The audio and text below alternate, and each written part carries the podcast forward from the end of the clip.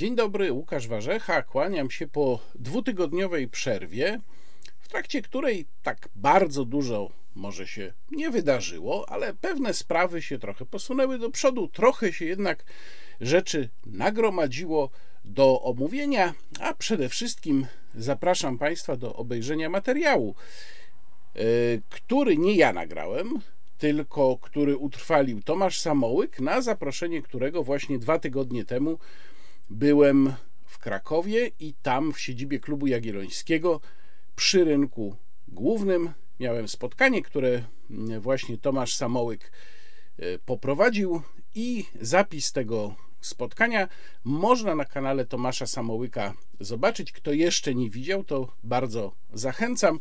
Link do filmu umieszczam w opisie tego filmu, jak zwykle.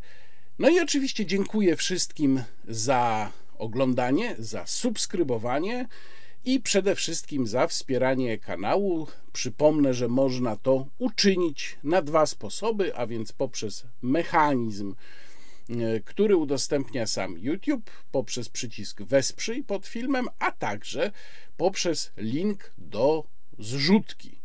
E, zrzutka.pl ukośnik warzecha. Taki jest link do strony, na której można wspierać ten kanał cyklicznie, a także jednorazowo. Ja namawiam do wsparcia cyklicznego. Rzecz jasna, za wszystkie Państwa wpłaty bardzo dziękuję. Dzięki temu właśnie mm, e, regularnie te filmy mogą się pojawiać. Tym razem e, będzie dużo naczelnika, czy też jak e, alternatywnie Jarosława Kaczyńskiego czasem zdarza mi się nazywać kierownika kraju.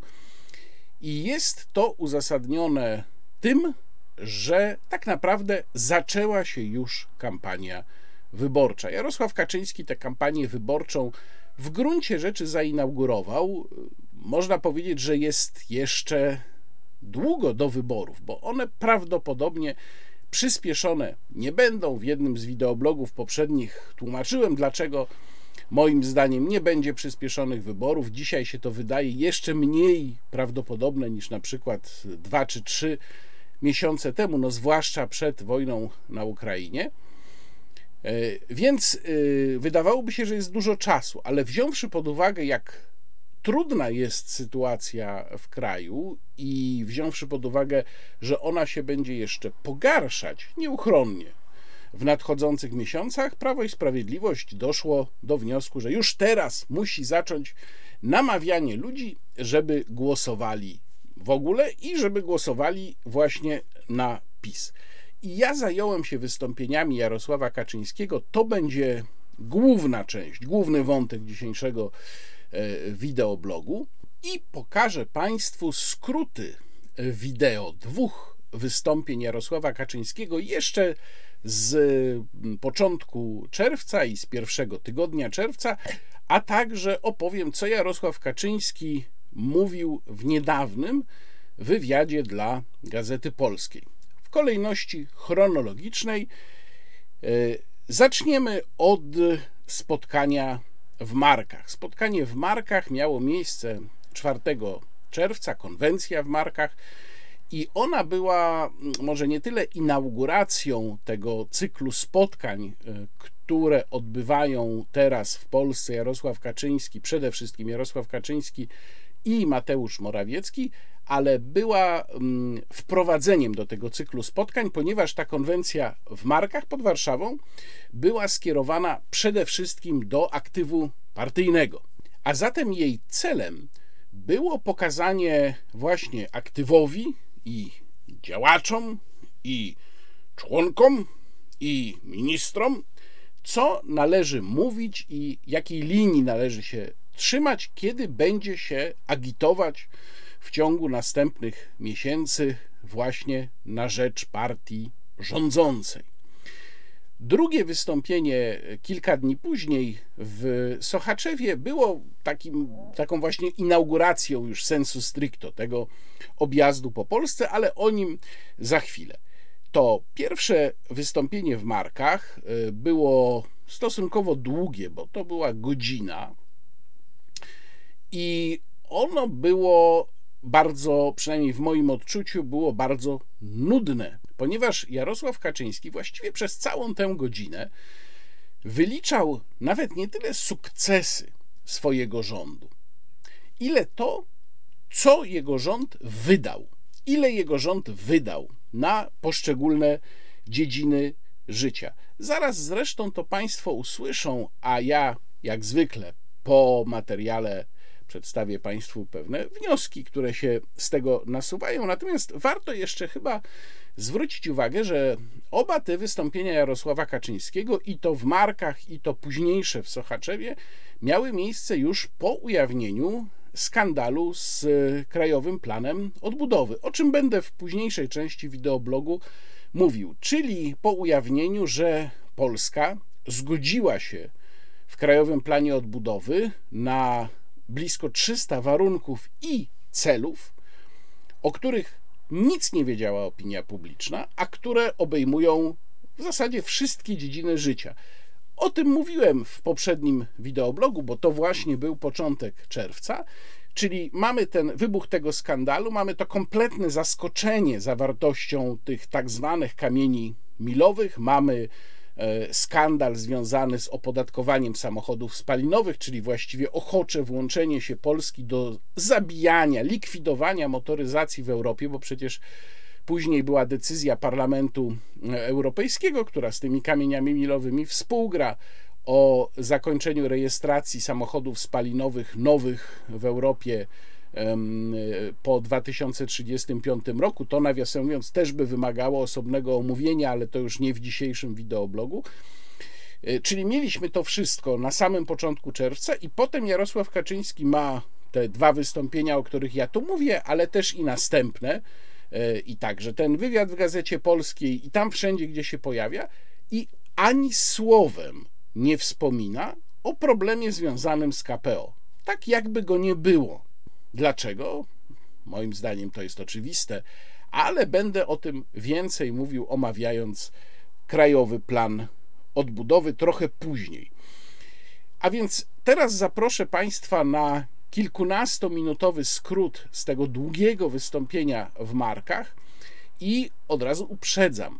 Tym razem proszę nie przyspieszać wystąpienia Jarosława Kaczyńskiego, bo ja już to zrobiłem, ponieważ okazało się, że gdybym nie przyspieszył Jarosława Kaczyńskiego prawie dwukrotnie, no to y, trwałoby to bardzo długo. A ja starałem się wyciąć te miejsca z, tej, z tego godzinnego wystąpienia, które no po pierwsze w ogóle są w jakiś sposób ważne, ale też te, które pokazują właśnie tę metodę, którą chce Prawo i Sprawiedliwość zastosować wobec swoich wyborców.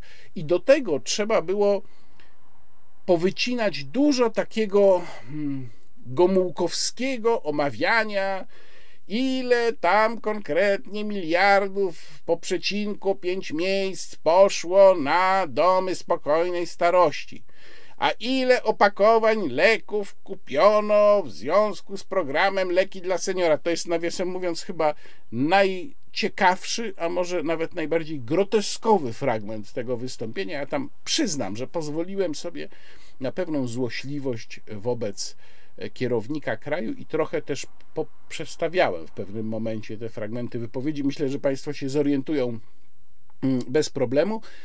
E, a więc to, że ja przyspieszyłem tempo wypowiedzi Jarosława Kaczyńskiego, to nie wynika z mojej złośliwości, tylko wynika z mojego szacunku dla widza. No bez tego e, byłoby to nie do zniesienia, a Państwo by pewnie po prostu zasnęli. Ale jak zwykle namawiam do tego, żeby jednak posłuchać tego wystąpienia, bo chodzi o to, żeby sobie uświadomić, czym będzie Prawo i Sprawiedliwość grało w nadchodzących miesiącach. Proszę bardzo, posłuchajmy kierownika kraju. Wystąpienie z 4 czerwca w Markach. Szanowni Państwo, koleżanki i koledzy, Zwyciężymy! Zwyciężymy! Zwyciężymy!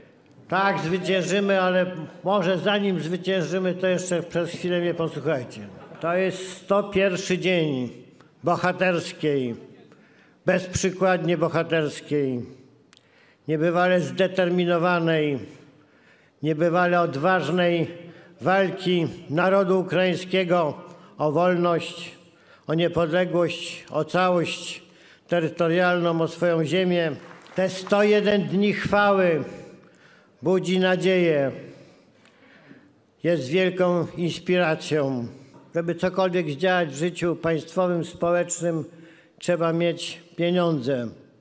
A po drugie, pamiętajmy, że nasi przeciwnicy, kiedy rządzili, także chodzi o te ostatnie 8 lat rządów, ciągle twierdzili, że pieniędzy nie ma. Ja oczywiście mówiłem o latach 2007-2015, że nie ma i nie będzie, że nigdy gdzie nie są zakopane, że w związku z tym nic nie można zdziałać. Otóż my dobrze zdiagnozowaliśmy sytuację. Ta diagnoza była krótka. Te pieniądze są po prostu kradzione, kradzione, kradzione, rabowane. Dzisiaj, mówię o roku 2021, dochody państwa są większe o 205,7 miliarda, mówię o dochodach budżetowych, niż w roku 2015 a dochody całej sfery finansów publicznych o 406 miliardów. To w pierwszym wypadku wzrost o 70%. W drugim, jeżeli chodzi o całe finanse publiczne, nieco mniejszy, ale też około 60%. Te pieniądze, a łącznie do 2021 roku było ich o 625 miliardów więcej niż tak, gdyby liczyć dochody roku 2015 i przemnożyć je przez te lata. Otóż wydatki na rodzinę, a mówiąc dokładnie, głównie na dzieci, wzrosły, proszę Państwa, o 200 miliardów złotych, a w tym roku, mówię o roku 2022, to w ciągu jednego roku będzie to już przeszło 62 miliardy złotych. Nie zapomnieliśmy też o seniorach. Tutaj, jeśli liczyć rocznie, rok do roku, to mamy wzrost niebywały. Z 3,6 miliarda złotych do 44 miliardów złotych. Na samą 13 emeryturę wydaliśmy 43,8 bodajże miliarda złotych, na 14 11,4 miliarda złotych. Dostarczyliśmy w ramach akcji 75 plus 338 opakowań lekarstw dla 3,5 miliona seniorów. Obliczcie to sobie. To jest prawie 100 opakowań rocznie dla jednej osoby. Przepraszam, 100 opakowań w ciągu całego tego czasu, czyli około dwóch opakowań na miesiąc. 338 dla 3,5 miliona seniorów. Przepraszam, 100 opakowań. To jest prawie 100 opakowań rocznie. 338 dla jednej osoby. Przepraszam, 100 opakowań, dwóch opakowań, przepraszam, 100 opakowań, dwóch opakowań, dwóch opakowań, przepraszam, 100 opakowań, dwóch opakowań, przepraszam, 100 opakowań, 338, czyli około dwóch opakowań na miesiąc. Domu seniora i klubu seniora było w momencie rozpoczęcia naszych rządów niespełna 100. Dziś jest 970. Wydatki na obronę wzrosły z 38, a tak, tak dokładnie, nie będę tutaj tłumaczył szczegółów dlaczego, z 33 do 57 miliardów złotych czyli o przeszło 60, właściwie o prawie 70%. Wydatki na politykę pracowniczą może najlepiej ująć w pensjach. Minimalna z 1750 do przeszło 3000 zł z perspektywą na 4. Przeciętna pensja z 4123 na 6600, jeśli się nie mylę, 37 zł. Wydatki na oświatę wzrosły o 36, troszkę przeszło 36%. Tyle samo mniej więcej wzrosły płace. Wydatki na służbę zdrowia, ale wszystko wskazuje na to, że to będzie wzrost z 77 miliardów w roku 2015 do, jak w tej chwili się rokuje, 160 miliardów razem z wydatkami covidowymi w roku 2022. Czyli arytmetycznie przeszło dwa razy. Oczywiście realnie mniej, no bo mamy już, szczególnie jeśli liczyć rok 2022, inflację. Ale to jest naprawdę gigantyczny wzrost. A w 2024 roku będzie 6% PKB, a w 2027 7. 150 komisariatów nowych, 627 nowych urzędów pocztowych, prawie dwa na powiat. 4900 połączeń autobusowych finansowych, finansowanych z tego nowego funduszu. Wspieramy także ASP, wspieramy koła gospodyń wiejskich, ale także głównie poprzez instytucje powołane przez Ministerstwo Kultury, przez różne fundacje, z Fundacją Narodową na czele, ale jest w tej chwili już wiele. Wspieramy tam działalność społeczną, prawdziwie niezależną, wynikającą z wysokiej jakości motywacji działalność społeczną.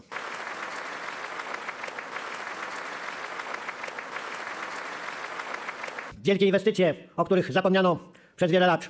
Przede wszystkim Centralny Port Komunikacyjny, CPK, to jest naprawdę olbrzymia inwestycja. W całym PRL-u, w całych lub, w całych lub, w całych dziejach PRL-u gdzie przez tych inwestycji wielkich, zachwalanych było wiele, żadna nie była tak wielka jak ta. Ona zmieni charakter naszego kraju. Ona ustawi go w centrum. W centrum Europy. No i ona odpowie na pytanie, czy w Berlinie, czy w Warszawie? Czy w Berlinie, czy w Warszawie? Czy w Berlinie, czy w Warszawie?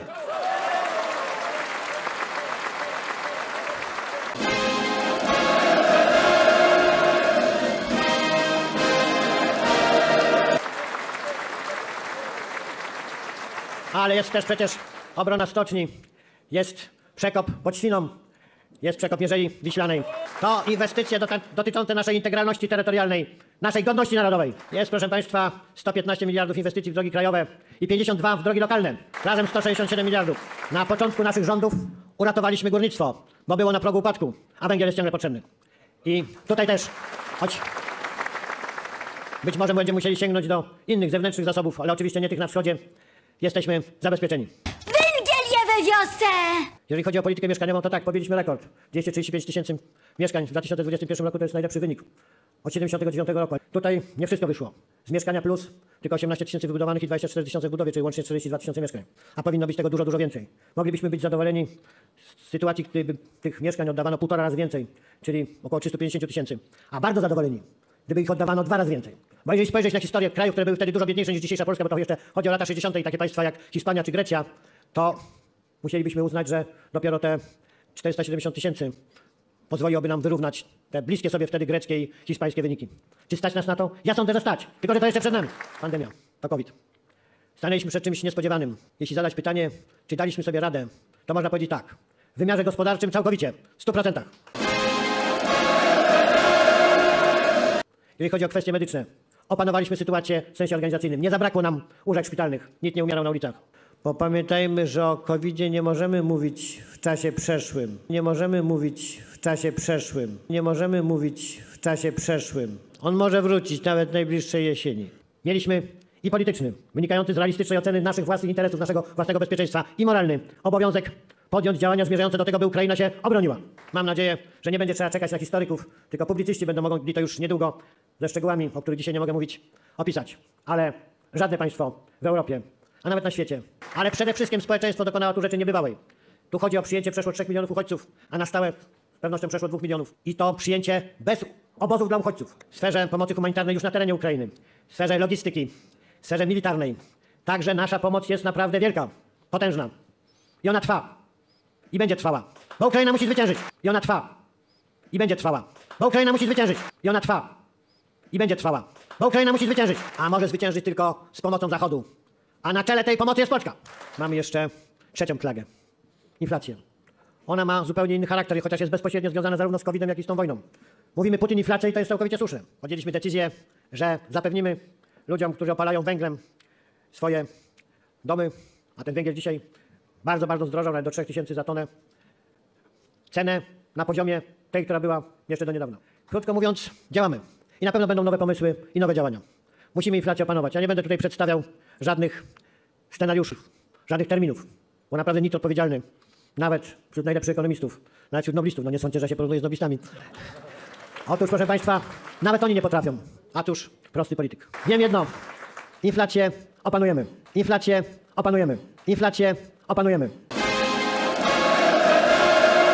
Co to oznacza? To oznacza, że mamy dobry rząd i mieliśmy przez te całe 6,5 lat, mimo różnych zmian, w tym także jeżeli chodzi o premiera. Ale mamy tutaj w pierwszym rzędzie dwoje premierów. Naprawdę obydwoje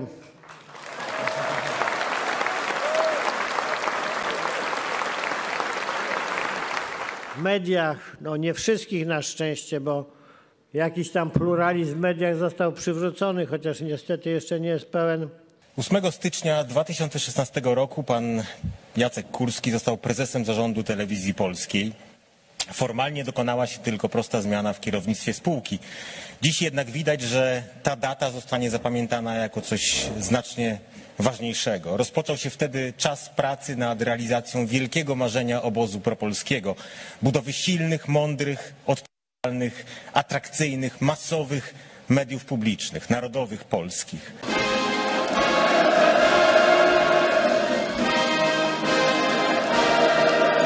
Mediów zdolnych e, bronić polskiej racji stanu, przeciwstawiać się kłamstwu, demoralizacji, złu. Mediów walczących o to, by, jak mówił w 2009 roku świętej pamięci prezydent Lech Kaczyński, to były słowa dla nas wszystkich bardzo ważne, a potem stały się jeszcze ważniejsze. By zwyciężała uczciwość, a nie cynizm i draństwo. By zwyciężała uczciwość, a nie cynizm i draństwo. By zwyciężała uczciwość, a nie cynizm i draństwo. Chociaż to nie oznacza oczywiście, że nie popełniamy błędów i że jesteśmy bez grzechu. To oni tak twierdzą o sobie, my tak nie twierdzimy.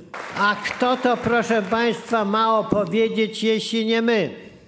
Jeśli nie partia, jeśli nie partia, jeśli nie partia. Mam nadzieję, że Państwo docenili to, że w tym wystąpieniu znalazł się również fragment e, e, takiej laudacji jednego z braci klęczących pod adresem Jacka Kurskiego. To było absolutnie e, zamierzone, celowe. Oczywiście nieprzypadkowo ten fragment tam się znalazł, bo łączył się z wątkiem dotyczącym e, mediów. Natomiast trzeba powiedzieć, że poziom odklejenia tego środowiska od rzeczywistości jest niesamowity. To znaczy, tu już mamy do czynienia z prawdziwym Orwellem. To wystąpienie e, Michała Karnowskiego to jest Orwell. No, wychodzi człowiek i mówi, e, że telewizja publiczna pod kierownictwem Jacka Kurskiego jest najlepszym lekiem na wszystkie wady mediów, które przecież ta telewizja nie tylko ma, ale ona je jeszcze wręcz w karykaturalny sposób wyolbrzymiła. I siedzą ci ludzie tam na sali i słuchają tego, i biją brawo, i siedzi sam Kurski i tego słucha. No i można sobie zadać pytanie, po co to było? Znaczy, oczywista odpowiedź jest po to, że bracia klęczących chcą mieć dobre relacje z Jackiem Kurskim. To jest jasne, no po to się przecież kupuje wagon wazeliny i potem wylewa e, ze sceny i wręcza te nagrody. To jest jasna sprawa.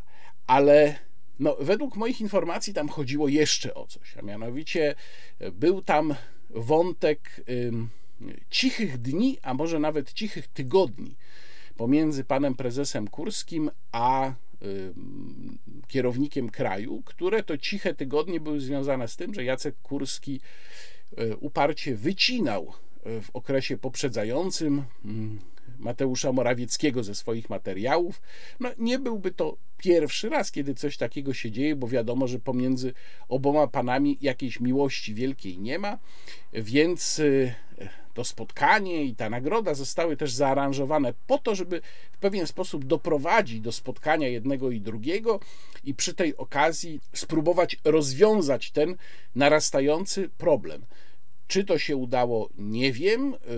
Obserwatorzy, uważni obserwatorzy pewnie zauważyli, że Mateusz Morawiecki częściej w ostatnim czasie pojawia się w głównym propagandowym programie rządowej telewizji, aczkolwiek na sali jeżeli się Państwo przyjrzeli, bo to nawet w tym krótkim fragmencie było widać, to Jarosław Kaczyński siedział w bardzo dużej odległości od Jacka Kurskiego. To nie, nie, nie siedzieli blisko e, siebie. No to taka ciekawostka. Natomiast y, na co warto zwrócić uwagę, poza y, oczywiście wątkiem leków dla seniorów, z którego mogłoby wynikać, że 300, chyba tam ile było, 35 opakowań dla 3,5 miliona seniorów. Y, poza tym wątkiem, to jednak jest tam kilka rzeczy, na które bardzo warto zwrócić uwagę. Pierwsza sprawa to jest bardzo mocne podkreślanie wątku, nawet nie tyle wojny na Ukrainie, E, ale e, wątku polskiej bardzo daleko idącej pomocy dla Ukrainy. To później będzie też w wystąpieniu w Sochaczewie, zobaczą Państwo, i można założyć, że ten wątek polskiej pomocy będzie jednym z najmocniejszych w nadchodzących miesiącach e, po prostu dlatego, że PiS wsłuchuje się w dużej mierze w życzenia własnego elektoratu. O tych życzeniach będę też mówił jeszcze e, dzisiaj, sięgając po bardzo interesujące badanie, które dla Państwa omówię, badanie opinii publicznej. E, druga sprawa, e, no to rzecz jasna w tym wątku ukraińskim nie pojawia się ani przez chwilę i ani jednym słowem nie jest wspomniany wątek ponoszonych przez nas kosztów To znaczy, jest mowa o tym, że my bardzo dużo pomagamy i pomagać będziemy, natomiast co to dla nas oznacza w sensie chociażby finansowym, już nie mówiąc o innych y, wymiarach, o tym też będę jeszcze dzisiaj później mówił, to, to tutaj już mowy o tym mm, nie ma. Kolejna sprawa, no taka dosyć zabawna, dosyć zabawny fragment, to jest ten, gdzie Jarosław Kaczyński mówi o inflacji. I rzeczywiście on mówi o inflacji w różnych swoich wystąpieniach, a tutaj stwierdza, że no, y, inflację to my opanujemy. Jak to nikt tego nie wie, ale wiem jedno: opanujemy. No to nie wiem jak Państwo, ale ja rzeczywiście czuję się już dużo spokojniejszy. Jedyny zarzut, jaki Jarosław Kaczyński tam stawia samemu obozowi rządowemu, to dotyczy y, budowy mieszkań. To jest jedyny absolutnie zarzut, jedyne miejsce, gdzie wskazuje na jakąkolwiek słabość. Warto też zauważyć, że znów przewija się kwestia COVID-u. To jest też interesujące. Co mnie specjalnie nie zaskakuje, wziąwszy pod uwagę, jak mocna była ta covidowa obsesja u Jarosława Kaczyńskiego w momencie, gdy epidemia trwała. No i tutaj to się właśnie znowu pojawia w takiej dosyć niepokojącej postaci, no bo to jest tak jakby oczekiwanie, że coś jeszcze będzie, prawda, że sprawa się nie zakończyła. I jeszcze jedna rzecz, która również przewija się w kolejnych wypowiedziach Jarosława Kaczyńskiego, to akcenty antyniemieckie. Można odnieść wrażenie, że ten motyw kampanii też będzie znowu ważny, znowu to będzie dosyć mocno w grze, w powiązaniu oczywiście z wątkiem wojennym. No to teraz zobaczmy jeszcze wystąpienie w Sochaczewie. Tego wystąpienia w Sochaczewie, skrótu wystąpienia w Sochaczewie, które było krótsze, trwało 40 parę minut.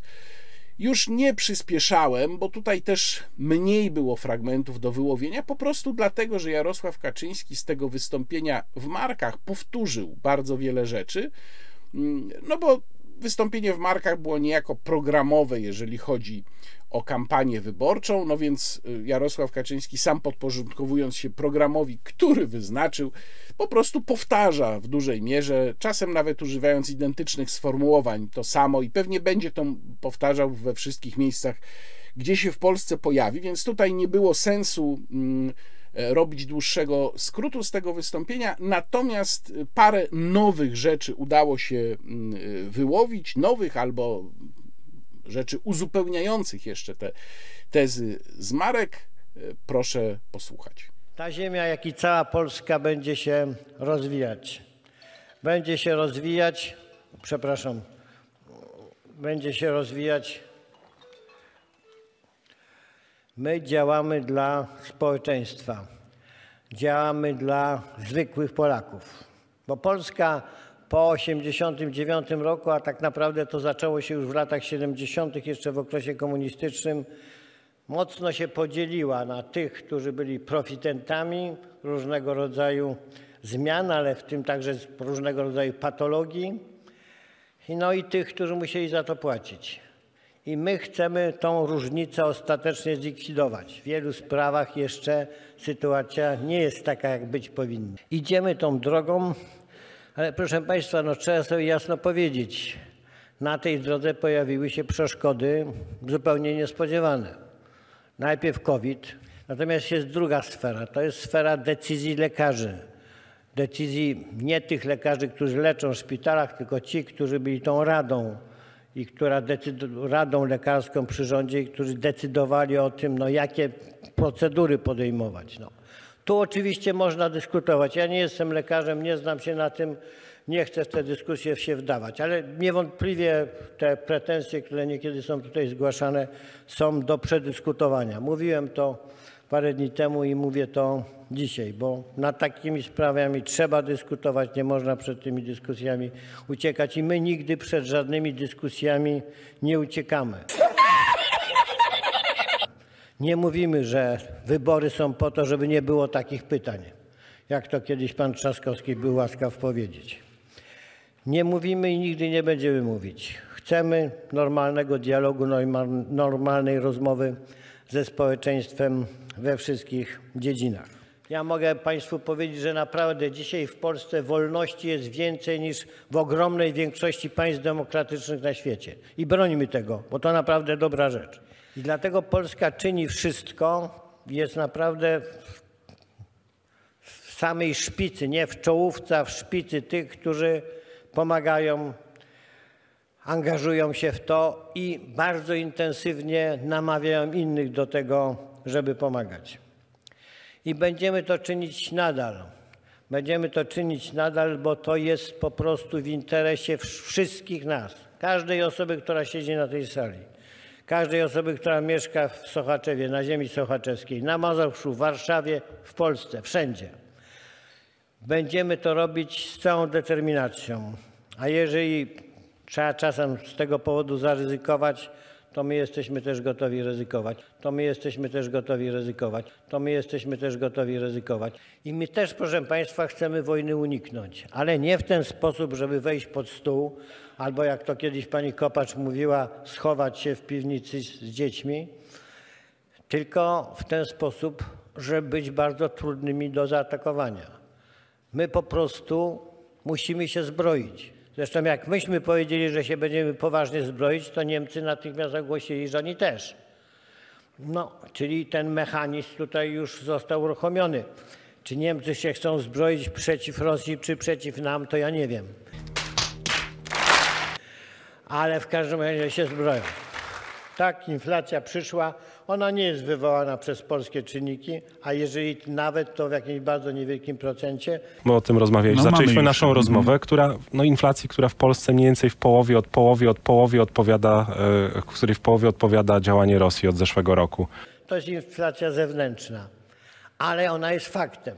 Walczymy o to różnymi metodami, tymi, które są dopuszczalne na rynku, żeby paliwo było droższe, paliwo było droższe, paliwo było droższe. Gdyby nie było tej walki, to by byłoby jeszcze dużo droższe niż w tej chwili. Ja wiem, że jest drogie, ale byłoby jeszcze dużo droższe. Tym zjawiskiem skrajnie niepokojącym i skrajnie groźnym dla naszej przyszłości, a bardzo dobrym dla wszystkich naszych wrogów, a mamy ich niestety sporo, jest, szanowni państwo, ta nienawiść, która jest w tej chwili sączona, która jest od, właściwie od 2005 roku nieustannie sączona. A jakby ktoś spojrzał jeszcze wstecz, to też w latach 90. tego rodzaju działania miały miejsce. To są te oskarżenia. To jest fakt, że, szanowni państwo, niemała część Polaków, tych, którzy oglądają tylko pewne media, to żyje w świecie, którego nie ma. Bo druga strona nie wykazuje tutaj absolutnie żadnej chęci do porozumienia. Opowiada o żelaznej miotle, która wszystkich wymiecie, o tym, że jak żadnych ustaw, tylko będziemy ludzi wyprowadzać. Proszę Państwa, co oni zapowiadają w gruncie rzeczy? No zapowiadają likwidację demokracji, likwidację praworządności. Taki jest sens tego, co mówi Tusk. für Deutschland. Nie wiem, czy on to rozumie. To też nadaje jeszcze jeden sens tym wyborom, które są przed nami. To jest sens odnoszący się do naszej wolności, naszej demokracji. Czy ona będzie, czy ona nie będzie, bo przecież nikt dzisiaj nie zaprzeczy, że opozycja działa bez żadnych ograniczeń. Także takich ograniczeń typu przyzwoitościowego, bo przecież żą, obrażają, atakują. Nie wycierajcie swoich mord radzieckich nazwiskiem mojego świętej pamięci brata.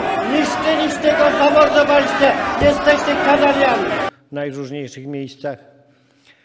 I nie ma na to w gruncie rzeczy żadnych reakcji. Że my ograniczamy w jakiś sposób wolność słowa. No, w Polsce niestety, bo często to jest, są takie słowa, które nie powinny padać w domenie publicznej, a padają i mimo wszystko też się nic nie dzieje. Opozycja ma potężne media, ma przewagę w mediach. To świadczy o tym, że w Polsce naprawdę jest wolność, jest demokracja i gdyby tylko naprawić sądy, to byłaby też praworządność.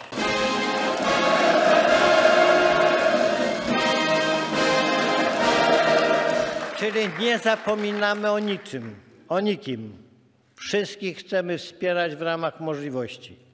No i oczywiście wiedząc, że jakby na przykład budżetówce, tak jak to proponuje Platforma, podnieść o 20%, to byśmy zaraz mieli parę procent więcej inflacji. I to nawet Balcerowicz przyznaje. Będziemy szli do przodu. Będziemy szli do przodu tak, by ci, którzy uważają, że kolejne pokolenie, to właśnie młode, będzie miało gorzej niż te starsze pokolenia, się mylili. Rodzice nie musieli się martwić o los swoich dzieci, bo dzisiaj często się martwią. Często myślą, to może by gdzieś wyjechały, no ci, którzy mają możliwości. Nie, proszę Państwa. Miejsce Polaków jest w Polsce, ale w Polsce zamożnej, bogatej, pewnej siebie, mocnej mo wobec wszystkich sąsiadów.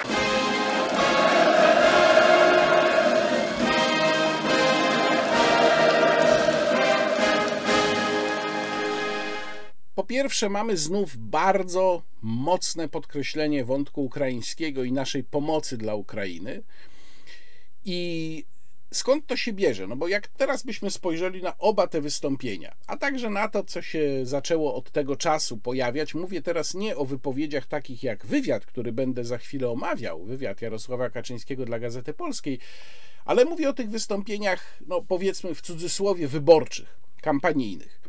Otóż tutaj w zasadzie jedynym dynamicznym wątkiem, jedynym nowym wątkiem, jedynym wątkiem wprowadzającym jakiś, powiedziałbym, narracyjny ruch, jest ten wątek Ukrainy i wojny na Ukrainie. Proszę zwrócić uwagę, że w tych wystąpieniach, mogą zresztą Państwo tych wystąpień na kanale Prawa i Sprawiedliwości posłuchać sobie w całości, żeby nie mieć wątpliwości co do mojej rzetelności w, w zestawieniu tych skrótów.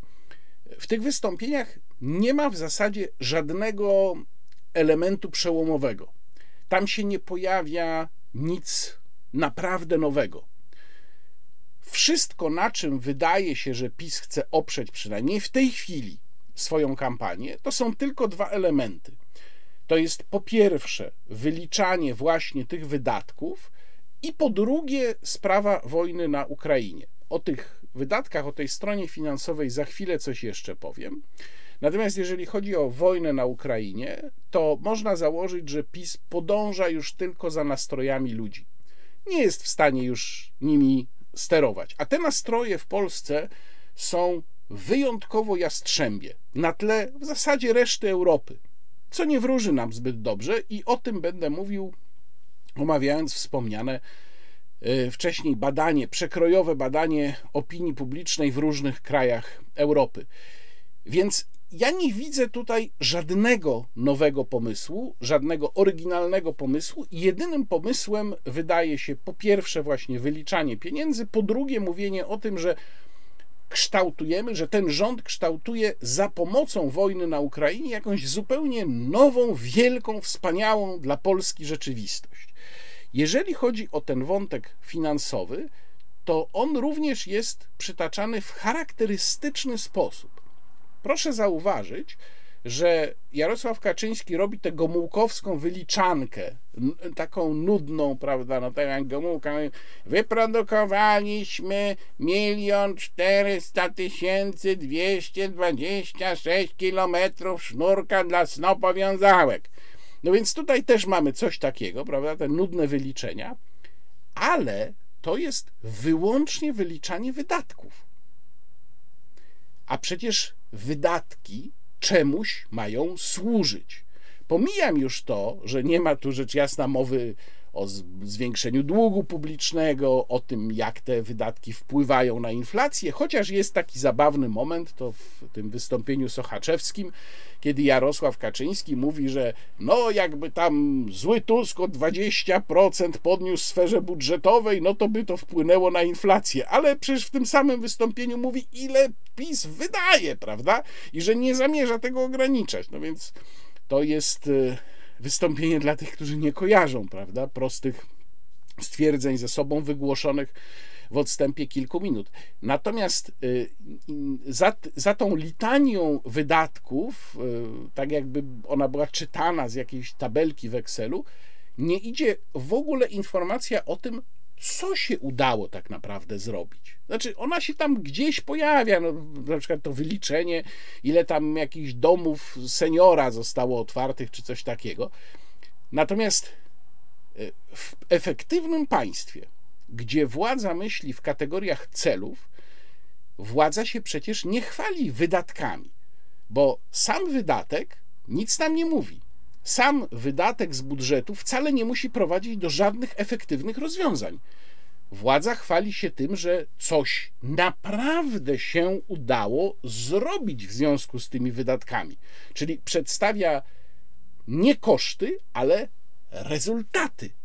A tutaj mamy wyłącznie przedstawienie tej listy wydatków. No i ja też powiem szczerze, że o tyle się dziwię. Hmm, rozumiem, że Prawo i Sprawiedliwość nie ma żadnego w zanadrzu nowego programu socjalnego, którym by się mogło pochwalić. I prawdopodobnie, zakładam, ma to źródło w jakichś wewnętrznych badaniach, które PiS zrobił i z których musiało wyjść, że ludzie tak bardzo niepokoją się inflacją, to zresztą przecież w tych wystąpieniach Jarosława Kaczyńskiego słychać, bo on się do tego odnosi, że tak bardzo niepokoją się inflacją, że nie chcą jednak już nowych wydatków, bo zaczęli kojarzyć, że te nowe wydatki powodują inflację. I być może, to jest moje publicystyczne założenie, to był nawet główny powód, dla którego nic nowego nie zaproponowano. Ale jednocześnie też nie zaproponowano niczego świeżego, poza tą Ukrainie, wizją tego nowego świata, który ma się wyłonić z wojny na Ukrainie.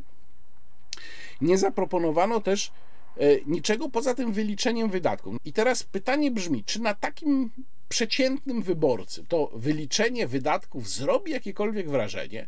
Jeżeli przyjedzie taki polityk PiS, no bo przecież nie wszędzie będzie jeździł Jarosław Kaczyński, ale nawet sam Jarosław Kaczyński i zacznie mówić właśnie o tym, że tyle i tyle milionów wydaliśmy na świadczenie Matka 4, no to czy, czy to coś komuś mówi, prawda? No, ludzie patrzą ewentualnie, myśląc o finansach, na pieniądze w swoim portfelu i przede wszystkim interesuje ich to, że te pieniądze są coraz mniej warte a nie to, ile w ciągu swoich rządów miliardów złotych poszło na dane świadczenie. Więc ja nawet jestem trochę zaskoczony, że mm, nie znaleziono na chociażby na ten aspekt rządów Prawa i Sprawiedliwości, ten wydatkowy, nie znaleziono jakiegoś innego klucza że to jest wszystko takie właśnie mało świeże, że, że nie ma w tym żadnego znaczącego leitmotivu poza kwestią e, wojny na Ukrainie, która będzie zresztą z tego powodu wałkowana w nieskończoność. No, przypomniałem tutaj Państwu w tym skrócie wyjaśnienia Piotra Araka, dyrektora przecież państwowego Instytutu, Polskiego Instytutu Ekonomicznego. To wystąpienie, ten wywiad z Piotrem Arakiem omawiałem szerzej w jednym z poprzednich wideoblogów, no więc tutaj wiadomo, no jest rozdźwięk pomiędzy ekonomistami, którzy wskazują na wewnętrzne przyczyny inflacji, a Jarosławem Kaczyńskim. No były tam jeszcze parę innych ciekawych momentów, to, to, to stwierdzenie o sączeniu nienawiści przez przeciwników, kiedy prawda, obóz władzy jest obozem miłości przecież, no to z drugiej strony też przypomina mm, y, sytuację z Platformą Karebur, bo przecież Platforma w pewnym momencie swoich rządów miała dokładnie taką retorykę, że my jesteśmy partią miłości. Nienawiść, mówię, zalewa mózg. Ćwok, ćwok. Po prostu ten chamski rechot, hołota. Obrzydliwie załgany Ziobro niż hipokryta, zakłamanie do szpiku kości Kaczyński. Amant od siedmiu boleści się znalazł. Jest to po prostu nikczemny dureń. Karmy moralne. A oni nienawidzą, oni sączą nienawiść. No to tak nastąpiła taka zamiana, zamiana ról, zresztą nie tylko w tej mm, sprawie widać, że jest próba stworzenia mocnej polaryzacji, żeby znów zmusić elektorat do zorientowania się na jeden albo drugi obóz, no bo e, Jarosław Kaczyński mówi tutaj o obronie demokracji, o tym, że demokracja się skończy, jak wygra opozycja. No czyli mm, mamy walkę bezwzględnego dobra z bezwzględnym złem i tak mamy widzieć tę nadchodzącą kampanię wyborczą. I trzeba powiedzieć, że na tle tych dwóch wystąpień, które Państwu pokazałem w Markach i w Sochaczewie, y, wywiad stosunkowo nowy, bo to jest wydanie z 15 czerwca, wywiad Jarosława Kaczyńskiego w Gazecie Polskiej jest nawet dosyć ciekawy. Tutaj jednak Jarosław Kaczyński trochę od tej wiecowej retoryki odchodzi, ma pewne interesujące spostrzeżenia.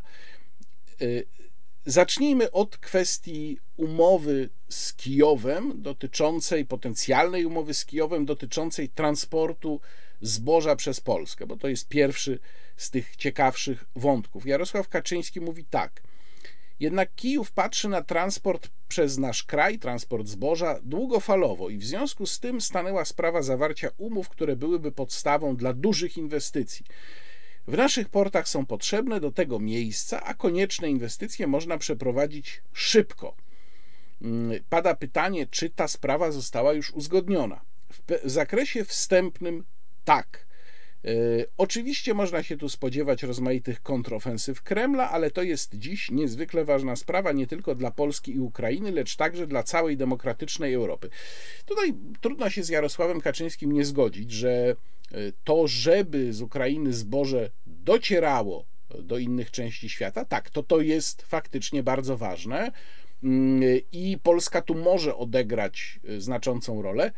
Pytanie brzmi, co my z tego będziemy mieli? To znaczy, ja mam nadzieję, bo to tutaj oczywiście pytanie o to nie pada, no bo wiadomo, że ani Katarzyna Gujska, ani Tomasz Sakiewicz o to nie zapytają, e, a Jarosław Kaczyński sam siebie też nic na ten temat nie powie. Natomiast no, warto by postawić jednak pytanie, na jakiej zasadzie te umowy mają być. To znaczy, czy ktoś nam będzie za to płacił, czy my to znów robimy e, za frajer. Dalej mamy bardzo interesujące podsumowanie tego, jak mogą wyglądać relacje polsko-ukraińskie i nie tylko polsko-ukraińskie po wojnie.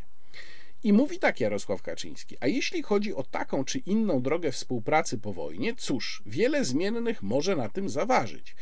Po pierwsze, na pewno inne państwa europejskie będą próbowały nagle objawić się jako przyjaciele Ukrainy i zacznie się poważna rywalizacja. Bardzo trzeźwa ocena sytuacji, trzeba przyznać. E, poza tym musimy pamiętać, iż nasze relacje przed napaścią Federacji Rosyjskiej były bardzo skomplikowane. Dziś władze w Kijowie wykonują wobec Polski gesty wskazujące na to, iż uda się wyprostować również te najtrudniejsze sprawy między nami. Bardzo na to liczę. No, rzecz jasna, słowo Wołyń tu nie pada, bo nie może paść, prawda? Bo też linia Gazety Polskiej w tej chwili jest taka, że Don't mention Wołyń. Nie ma Wołynia, w ogóle nikt nie słyszał o tym, a Bandera siedział w więzieniu i w ogóle nie ma go y, o co winić, jeżeli chodzi o to, co się na Wołyniu stało, a w ogóle to nic się tam nie stało, więc w ogóle nie ma o czym rozmawiać. Natomiast no, tu jest chyba też pierwszy raz od dosyć dawna, kiedy Jarosław Kaczyński się w jakiś sposób odnosi do tych spraw. Jest też mocno podkreślony wątek niemiecki i wątek niemieckiej strategii wobec Rosji i wobec Ukrainy. I mm, pada pytanie: Niemcy grały na Rosję, ale ta koncepcja się rozsypała? Czy na pewno się rozsypała? Odpowiada Jarosław Kaczyński. Berlin z jakiegoś powodu nie chce iść ostro przeciwko Moskwie. Dlaczego? Nie znam odpowiedzi na to pytanie. Albo Rosjanie dysponują silnymi argumentami, kompromatami, albo tam się ciągle wierzy w to, że można powrócić do tego, co było. I dalej, trzeba jasno powiedzieć, Niemcy nie rozliczyły się ze zbrodni II wojny światowej. Zresztą za zbrodnie I wojny światowej też nie poniosły adekwatnej kary. I dlatego się nie zmieniły. I żeby było jasne, dalej mówi Jarosław Kaczyński, chciałbym, by było inaczej. Mam nadzieję, że kiedyś to państwo znajdzie w sobie siłę do głębokiej przemiany. Póki co jest w Europie, stwierdzam to z przykrością, niezwykle destrukcyjnym elementem. I to właściwie upewniać nas może, że wątek antyniemiecki będzie jednym z najsilniej podkreślanych y, y, wątków w kampanii wyborczej. I tu można się zastanowić, ten wątek był bardzo często populistycznie podnoszony przez Prawo i Sprawiedliwość samego Jarosława Kaczyńskiego. I w zasadzie kończył się na czystej retoryce. I tu też jest takie pytanie. Na ile będzie to czysta antyniemiecka retoryka, za którą nic w praktyce nie będzie szło, a na ile jest to w jakikolwiek sposób przemyślana próba osłabienia niemieckiej koncepcji dla Unii Europejskiej, która przecież w tej chwili stanowi dla nas i dla naszej obecności w Unii największe możliwe e, zagrożenie. O czym jeszcze będę więcej mówił, Ale dalej kończąc, y, ciągnąc ten wątek niemiecki, Jarosław Kaczyński wspomina jeszcze, Niemcy nie tylko nie rozliczyły się za zbrodnie obu wojen, lecz także nie wypłaciły reparacji. Polska jest tego najlepszym przykładem. Kwestia reparacji znowu się pojawia i to jest zawsze taki sygnał, że PiS włącza tę opcję antyniemiecką. Właśnie wtedy, kiedy zaczyna mówić o reparacjach.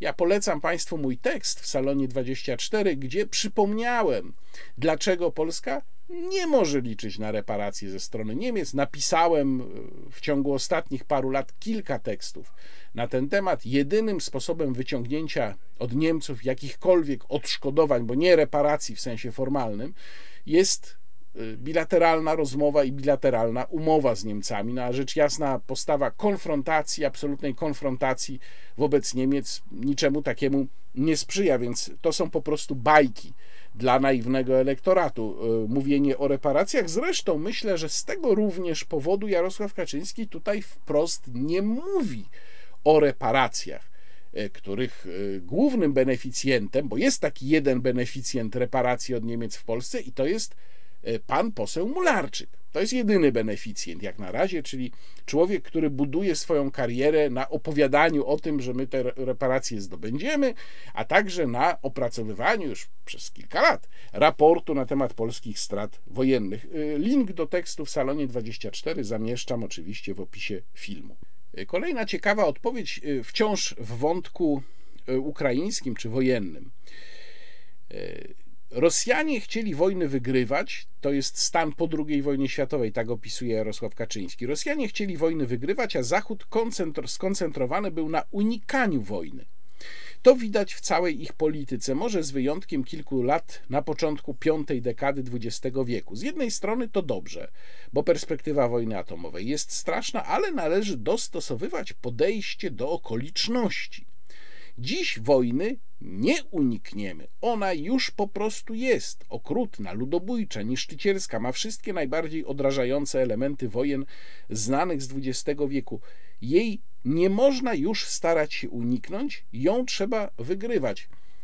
To również jest ciekawa argumentacja, która się pojawia e, w takiej oczywiście bardziej zwulgaryzowanej postaci w tych wystąpieniach oficjalnych Jarosława Kaczyńskiego, czyli nie możemy już rozmawiać o tym, na przykład, jakie koszty ponosimy, bo przecież ta wojna już trwa. Ona już nas obejmuje. Więc e, rozmowa o kosztach, rozmowa o poziomie zaangażowania jest bez sensu, bo już to trwa, już to jest. No, rzeczywiście, jeżeli byśmy tak do tego podeszli, to faktycznie nie ma o czym rozmawiać. Problem w tym, że to wcale nie jest oczywiste, ale taką tezę ewidentnie forsuje mm, Jarosław Kaczyński. Dalej mówi tak. Niestety, zafiksowanie się na unikaniu wojny sprawia, że w starciu tym z nieliczącą się z żadnymi wartościami Rosją jesteśmy w pewnym sensie słabsi.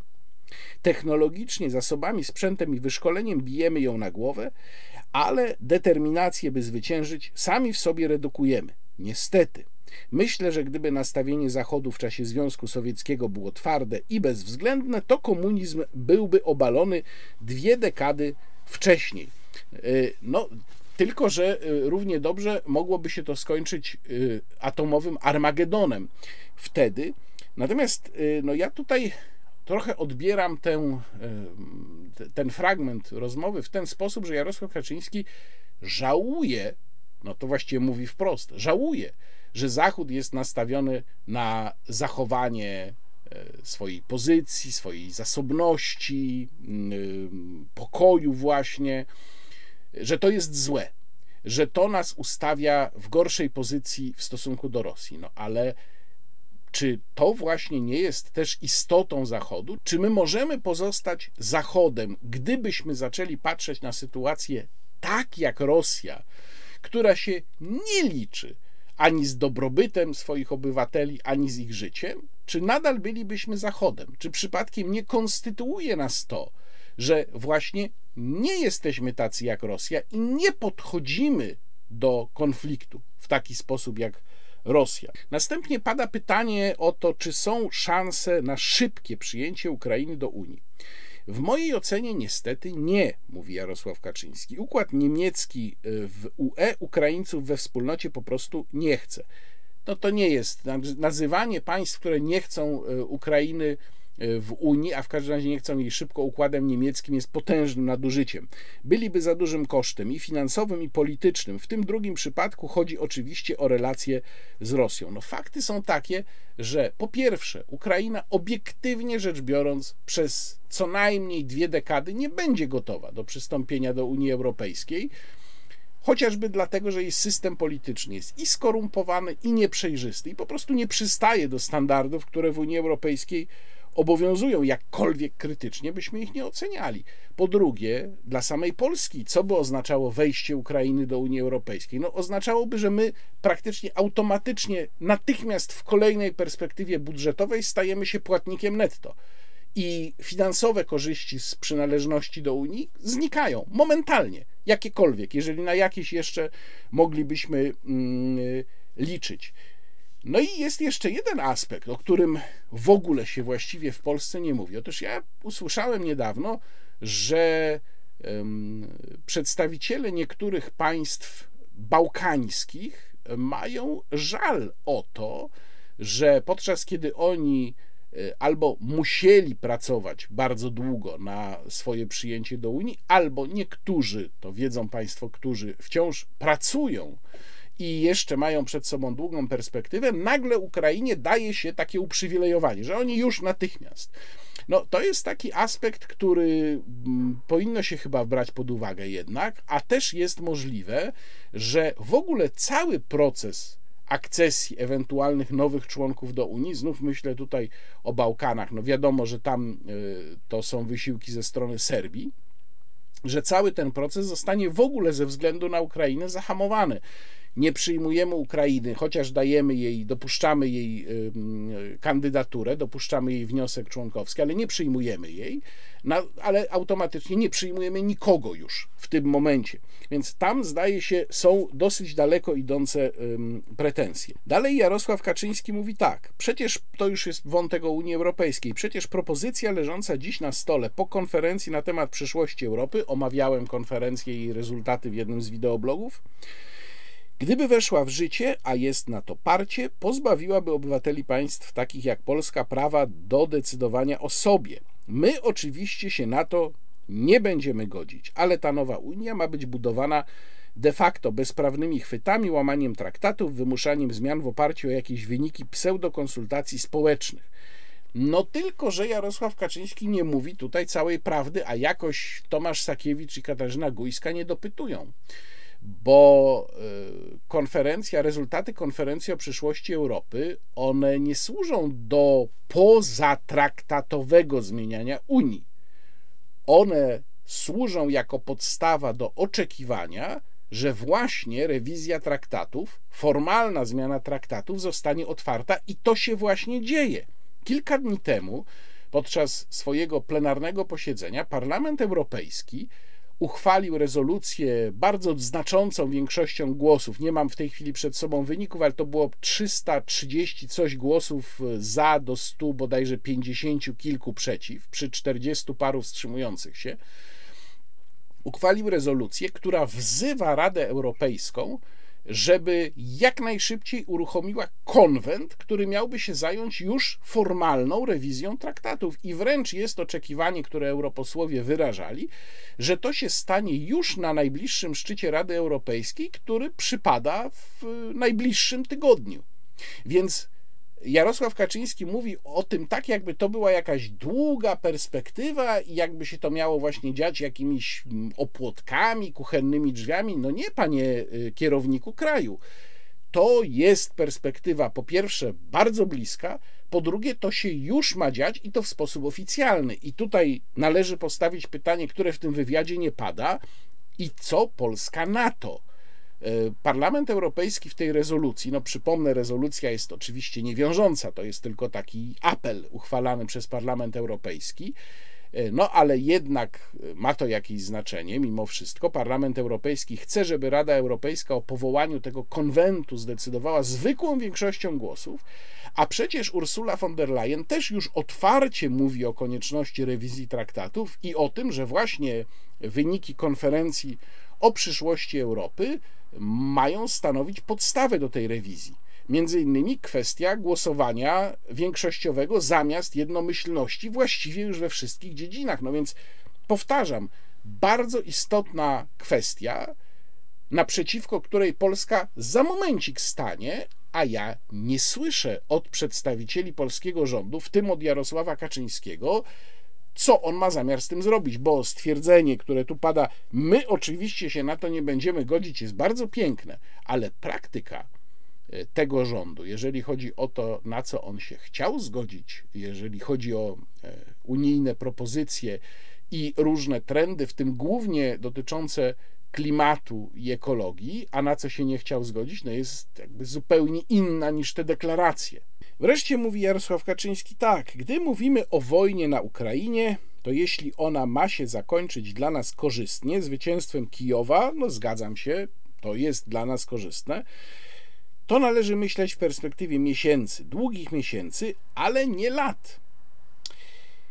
Można się obawiać, iż Zachód będzie tkwił w swych obawach przed twardym stawieniem Moskwie czoła i w końcu Rosja zajmie Ukrainę.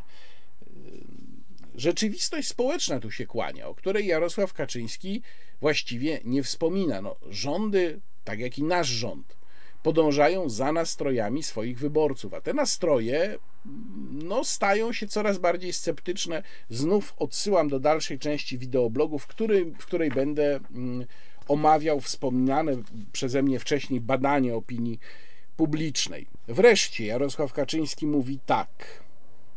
To już jest wątek walki z inflacją. Jesteśmy zatem w rozkroku, bo z jednej strony walczymy z inflacją, a z drugiej podejmujemy działania osłonowe, które nie zawsze idą w tym samym kierunku.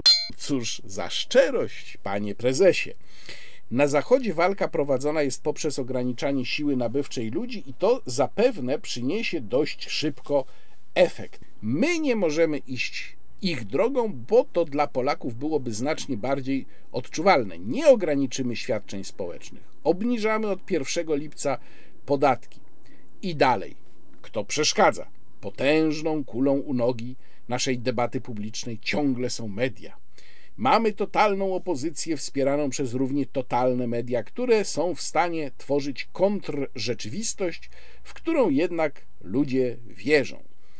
W Rosji media karmią ludzi przekazami nie mającymi nic wspólnego z rzeczywistością, wręcz będącymi jej brutalnym, brutalnym i ordynarnym zaprzeczeniem. I u nas też są media, które działają co najmniej podobnie. Tak, panie prezesie, są. Jednym z tych mediów kieruje pański przyjaciel Jacek Kurski. Daleko nie trzeba szukać. Jedna z telewizji, e, kilka gazet, parę portali non-stop prezentuje nas jako partię popierającą Putina. To jest oczywiście absurd. Natomiast to jest zjawisko, które ja opisałem w, we wciąż aktualnym, dostępnym numerze tygodnika do rzeczy. Licytacja na antyputinowskość, licytacja na antyrosyjskość. Bardzo fatalna licytacja, bo odwołująca się rzecz jasna do emocji elektoratu, nie do, żadnego, do żadnej kalkulacji. I w tej licytacji obie strony, czyli z jednej strony przede wszystkim Platforma Obywatelska, z drugiej Prawo i Sprawiedliwość, no będą się licytować, będą się prześcigać, kto jest bardziej antyputinowski, a mm, nie jest to mm, rozsądna polityka. Nie jest to prowadzenie polityki realizującej jakiś racjonalny cel, tylko jest to właśnie granie na emocji, kto bardziej zagra na tej emocji w elektoracie.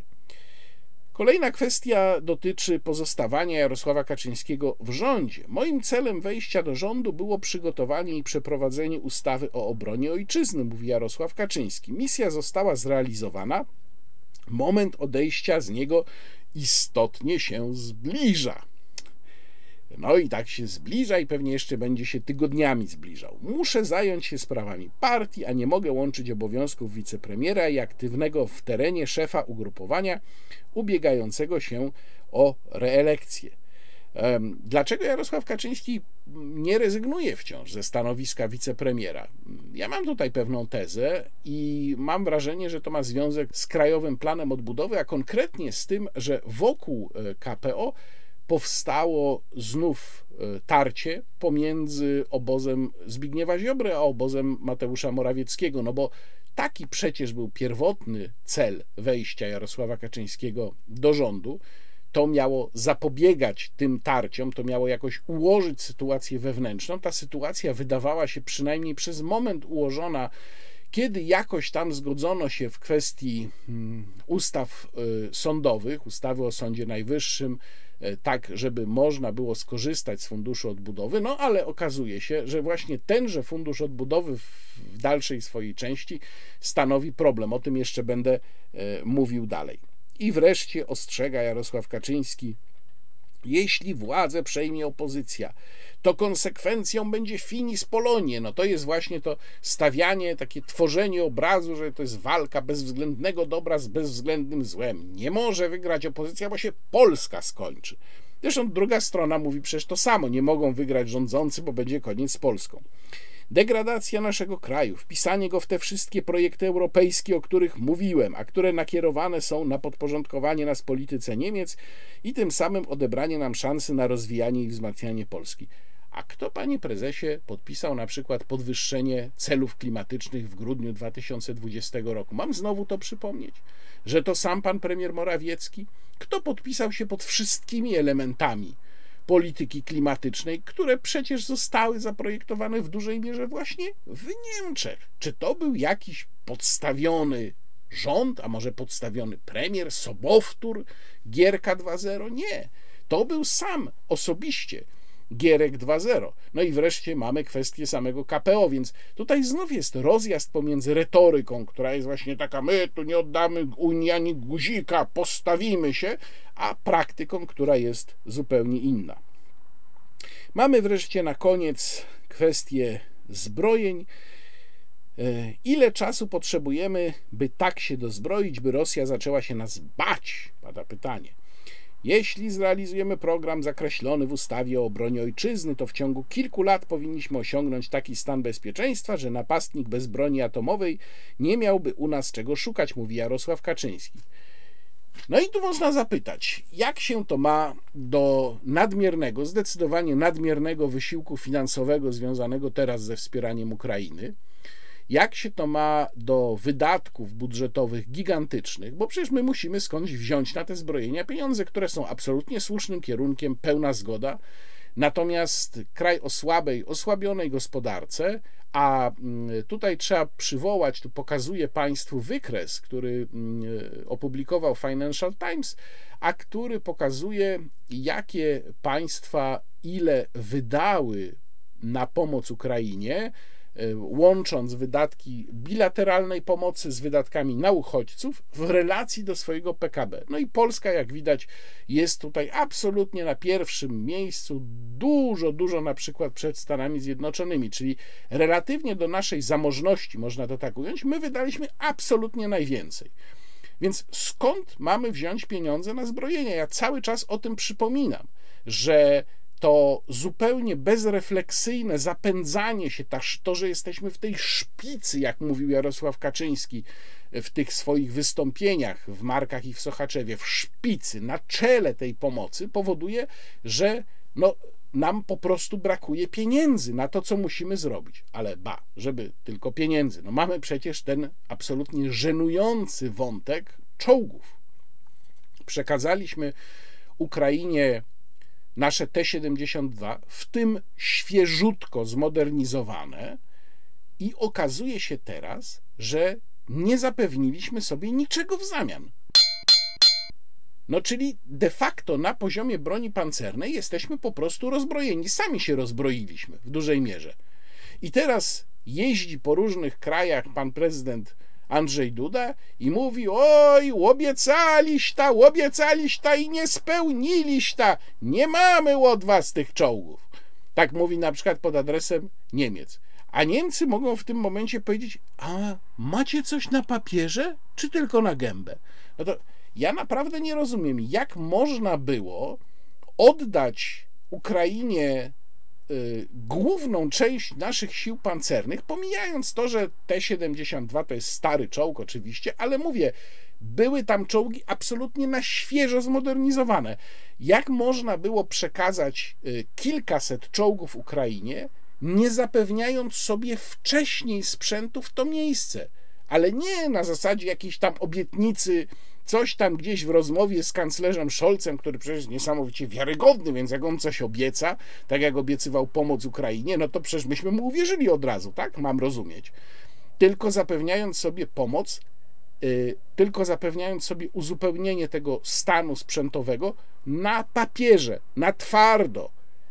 Yy, I można było powiedzieć naszym ukraińskim partnerom, Proszę bardzo, my absolutnie jesteśmy gotowi, oddajemy wam jutro nasze czołgi, ale jeżeli chcecie je dostać, to wy też wywierajcie dyplomatyczny nacisk na czy to Niemcy, czy Stany Zjednoczone, żeby podpisali z nami w tym momencie umowę, że uzupełniają nasz stan sprzętowy, bo jeżeli tego nie będzie, to nie zobaczycie ani jednego czołgu. No, tak chyba należałoby to zrobić, prawda? Ale okazuje się, że nasi umiłowani przywódcy zrobili jak zwykle zupełnie inaczej, na gębę, byle jak, potem się zobaczy, no to właśnie zobaczamy.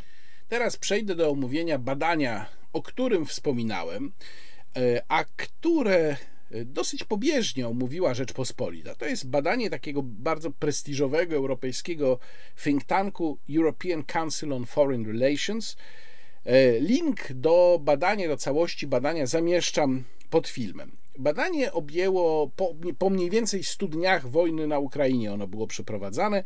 Badanie mm, objęło próbę około 8 tysięcy osób w 10 państwach e, europejskich, nie Unii Europejskiej, bo jednym z tych państw była również Wielka Brytania, a poza tym y, badano opinię publiczną w Polsce, Rumunii, Niemczech, Portugalii, Hiszpanii, Francji, Finlandii, Szwecji i Włoszech, czyli taki dosyć szeroki przekrój. Tutaj szczególnie interesująca jest ta para krajów Polska, Rumunia. Specjalnie e, autorzy badania wzięli właśnie dwa państwa Europy Środkowej, oba graniczące z Ukrainą. Nawet można powiedzieć, że w pewnym sensie Rumunia jest w gorszej sytuacji niż Polska, dlatego że przecież graniczy też z Mołdawią, której no, grozi um, atak rosyjski cały czas. I pierwszy podstawowy wniosek, tam w tym badaniu pytano o wiele spraw, jak Państwo do niego zerkną, to zobaczą Państwo, ja tu nie będę wszystkich pytań i wyników omawiał, tylko te najważniejsze. Po pierwsze, okazało się, że jest e, duży rozziew pomiędzy tym, co autorzy badania nazywają partią pokoju, a tym, co nazywają partią sprawiedliwości. I przewaga e, tej partii pokoju, czyli tych, którzy opowiadają się między innymi za tym, żeby wojnę zakończyć nawet kosztem pewnych ukraińskich ustępstw, jest wyraźna. Obóz pokoju to jest w tej chwili 35% z ogółu respondentów, a obóz sprawiedliwości tylko 22, no czyli to jest różnica 13 punktów procentowych. Jest jeszcze taka grupa którą określa się jako swing voters, czyli no wahający się, to jest 20%, no i jest e, reszta. Brak opinii 23%. Co bardzo ciekawe, te dwa kraje z naszej części Europy, które mają przecież podobne doświadczenie historyczne, jak powiedziałem, oba graniczą z Ukrainą, Polska i Rumunia, są, okazuje się w tym badaniu, jeżeli chodzi o opinię społeczeństw, w zasadzie na przeciwległych biegunach. Podobnie jak ciekawe jest, że chociaż Polska w tej grupie Jastrzębi przoduje, zaraz o tym jeszcze powiem więcej, to jednocześnie w Polsce jest relatywnie duża grupa lokująca się po stronie sceptycznej. Na przykład, jeżeli spojrzymy na pytanie, kto przede wszystkim jest winny wybuchowi wojny na Ukrainie, to zobaczymy, że w Polsce grupa e, tych, którzy winią Ukrainę za wybuch wojny, nie jest wcale najmniejsza. E, najmniejsza ta grupa jest w Finlandii i w Wielkiej Brytanii, natomiast e, potem w Portugalii to jest 9%, w Finlandii i Wielkiej Brytanii po 5%, a w Polsce i Szwecji po 10%.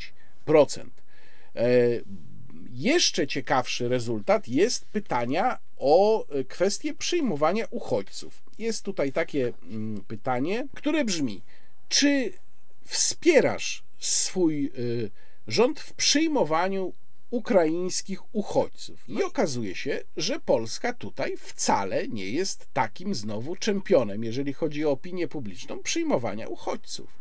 Bo po pierwsze, e, dużo większe poparcie jest e, w aż siedmiu krajach spośród dziesięciu badanych, czyli poparcie w Polsce jest trzecie od końca. 71% wciąż bardzo dużo, ale na przykład w Finlandii to jest aż 91%, w Szwecji 90%, w Polsce 71% i relatywnie duża jest grupa sceptyków 16%.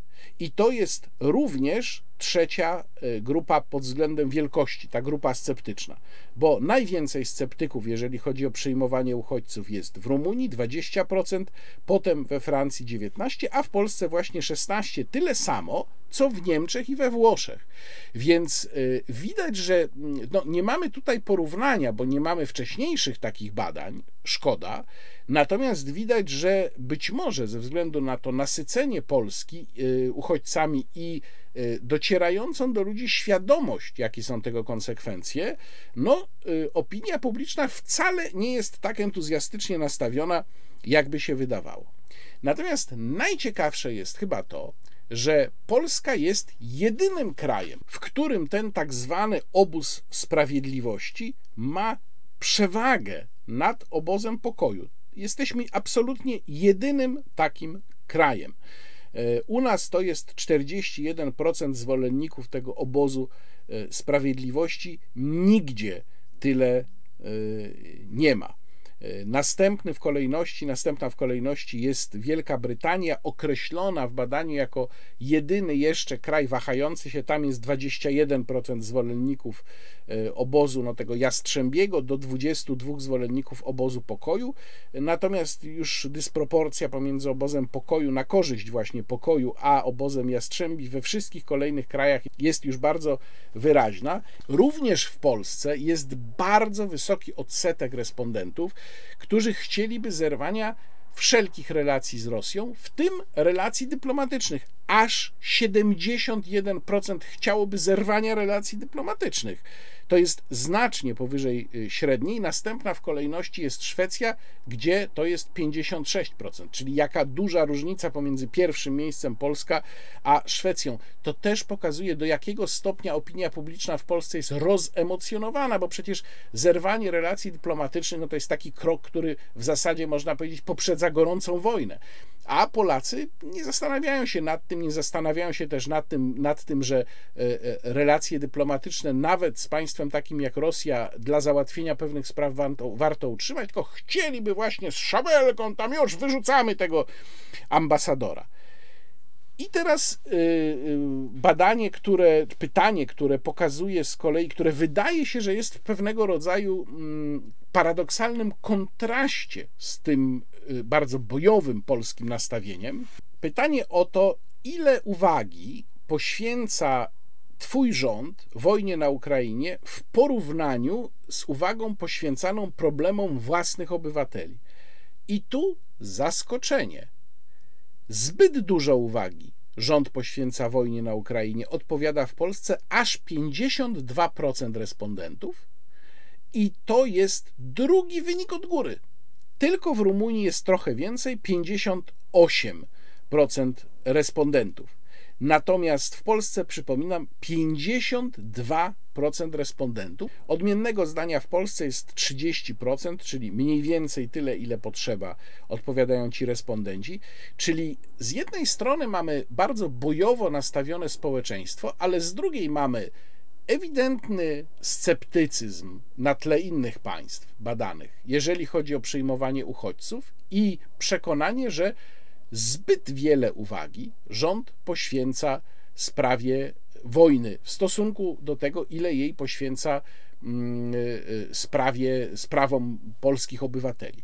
No to jest y, pewnego rodzaju paradoks, który może wskazywać na to, że znów Polacy nie tworzą powiązań, nie potrafią kojarzyć jednego z drugim, ale to nie powinno nas być może zaskakiwać w kontekście również różnych badań dotyczących chociażby kwestii ekonomicznych. Bardzo polecam Państwu lekturę y, całego tego y, badania. Ono jest bardzo ciekawe, a ja prawdopodobnie będę o tym też niedługo pisał w tygodniku do rzeczy.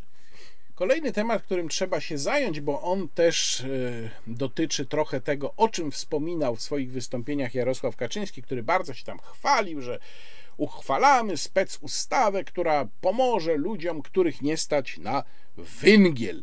Ty stary, budź się, budź się! Piersiekiera! Przywieźli węgiel! Pierwsza sprawa, no to chciałem Państwu oczywiście pokazać samą ustawę i ją przeczytać, ale chociaż ustawa została przyjęta przez Radę Ministrów, no to do, przynajmniej do momentu nagrania tego wideoblogu nie jestem w stanie jej znaleźć. Nie jestem w stanie jej znaleźć na stronach Rządowego Centrum Legislacji.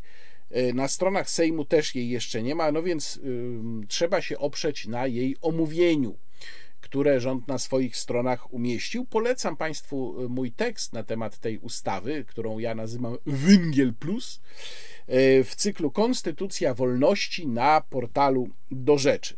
Otóż to pierwsza sprawa, bo ustawa na czym ma polegać? No ma polegać na tym, że dla tych, co ich nie stać na węgiel, będą dopłaty. No, tylko że od dopłat, nie wiem czy to autorzy, szanowni autorzy ustawy sobie uświadamiają, pani minister Moskwa, y, pan premier Morawiecki, pan kierownik kraju. Proszę państwa, od tego, że się wprowadzi dopłaty do danego towaru, to tego towaru nie przybywa. Nie wiem, czy państwo to wiedzą. Więc tutaj będzie podobnie. To, że będą dopłaty do węgla, to nie spowoduje, że węgla będzie więcej.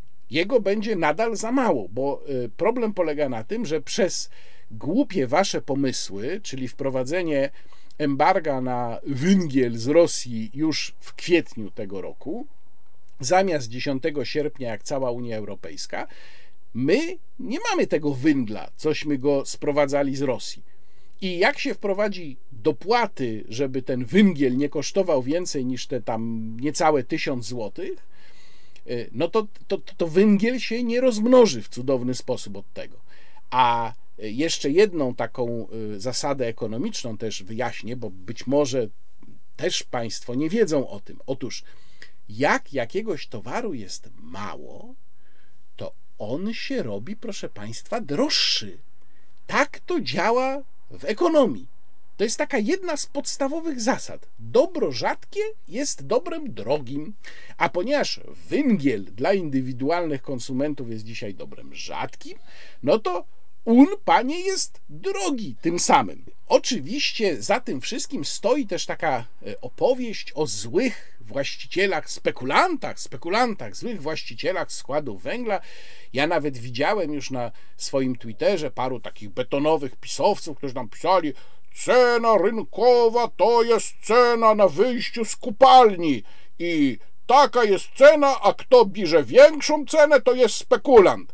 No więc ja coś wyjaśnię tym y, betonowym pisowcom. Otóż po pierwsze, polskie kopalnie nie są w stanie teraz tak na szybko, tak bardzo zwiększyć wydobycia, żeby zapełnić tę lukę 11 milionów ton węgla, których nam będzie brakowało w najbliższym sezonie grzewczym. Po drugie, yy, trzeba będzie węgiel skądś sprowadzać i ten sprowadzany, rzecz jasna, będzie dużo droższy. Ale po trzecie, skąd się biorą te ceny węgla na składach takie szokująco wysokie, sięgające, jak to sam ktoś tam panu prezesowi powiedział, bo przecież on węgla nie kupuje dla siebie, że 3, nawet 3000 zł za tonę. Czasem ja już widziałem nawet troszeczkę więcej. No one się biorą stąd, że przecież skład węgla nie jest kopalnią. Skład węgla żyje z prowizji, czyli z marży, którą weźmie od węgla, który przywiezie sobie właściciel takiego składu i potem go sprzeda. No i taki skład ma pewne swoje koszty stałe. I żeby te koszty stałe hmm, można było pokryć, czyli żeby właściciel nie dokładał do interesu, to on musi mieć tego węgla albo odpowiednio dużo i wtedy może mieć niższą marżę, albo jak ma go bardzo mało, to musi mieć wysoką marżę, żeby na, tym, na tej małej ilości węgla mieć tym większy zysk. E, mówiąc obrazowo, jeżeli mamy powiedzmy 100 jednostek, to żeby zarobić 10, wystarczy jak od każdej jednostki mm, będziemy mieli marżę 1 dziesiąta. Ale jak mamy powiedzmy 50 jednostek dostępnych tylko, to już musimy dać 2 dziesiąte, żeby zarobić tyle samo. Więc tutaj występuje normalny mechanizm ekonomiczny. Jak jest mało węgla, a jego jest bardzo mało, to właściciele składów muszą narzucać wyższą marżę.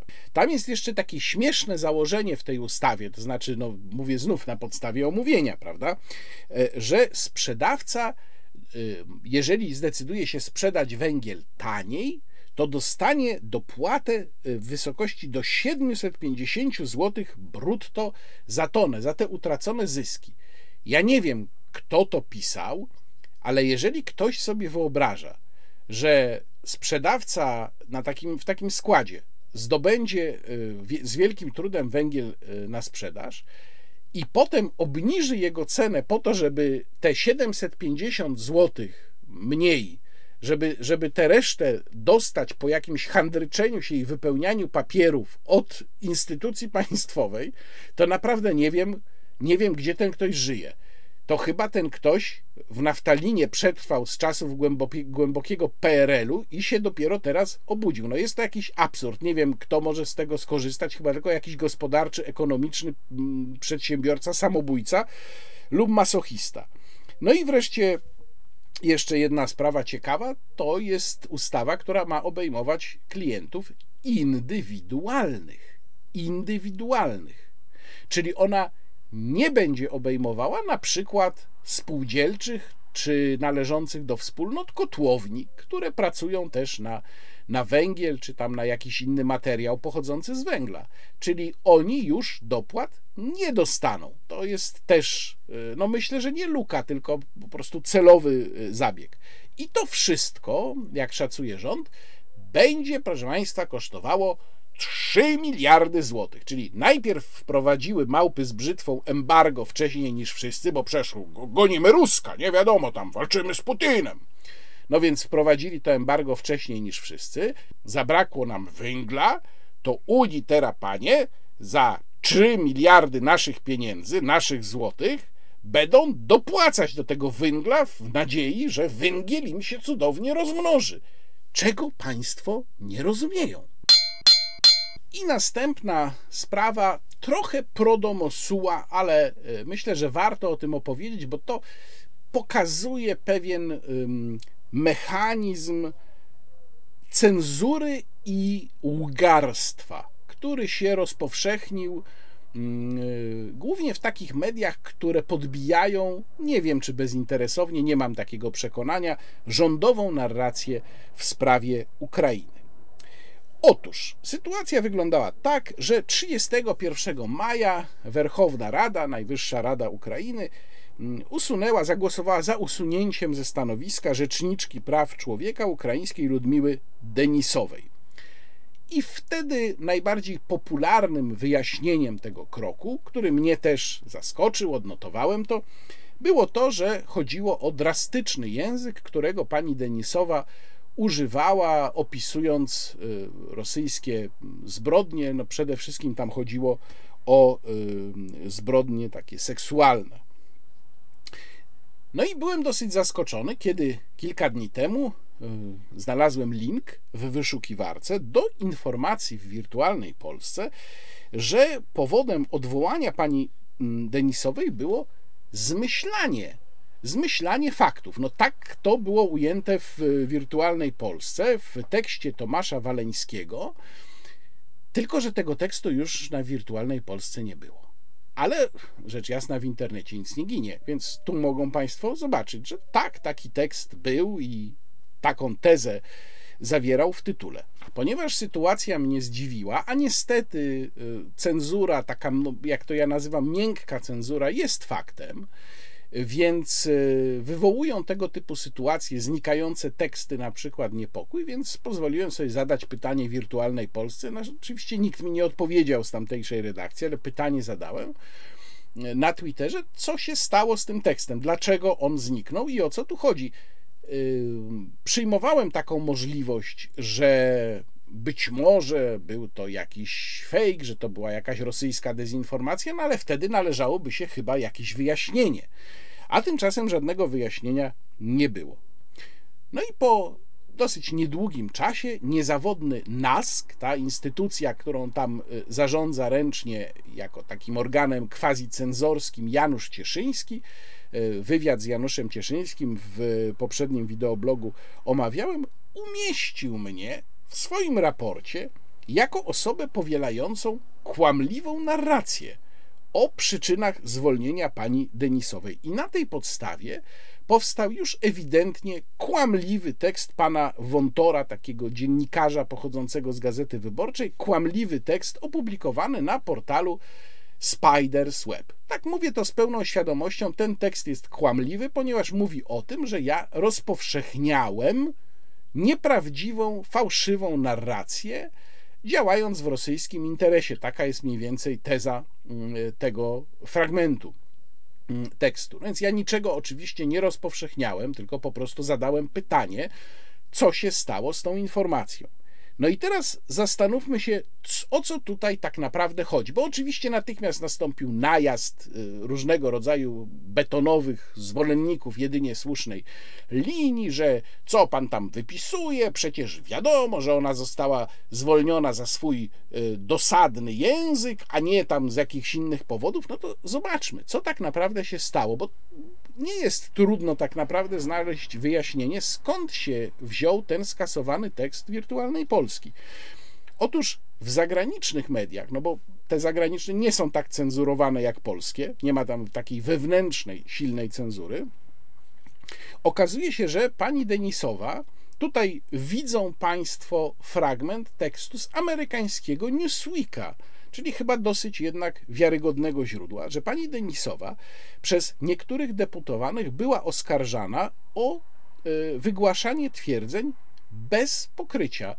Jest tu przywołane e, nazwisko konkretnego deputowanego do Rady Najwyższej, Pawło Frołowa, który stwierdził, że Denisowa przedstawiała opisy zbrodni niepoparte dowodami.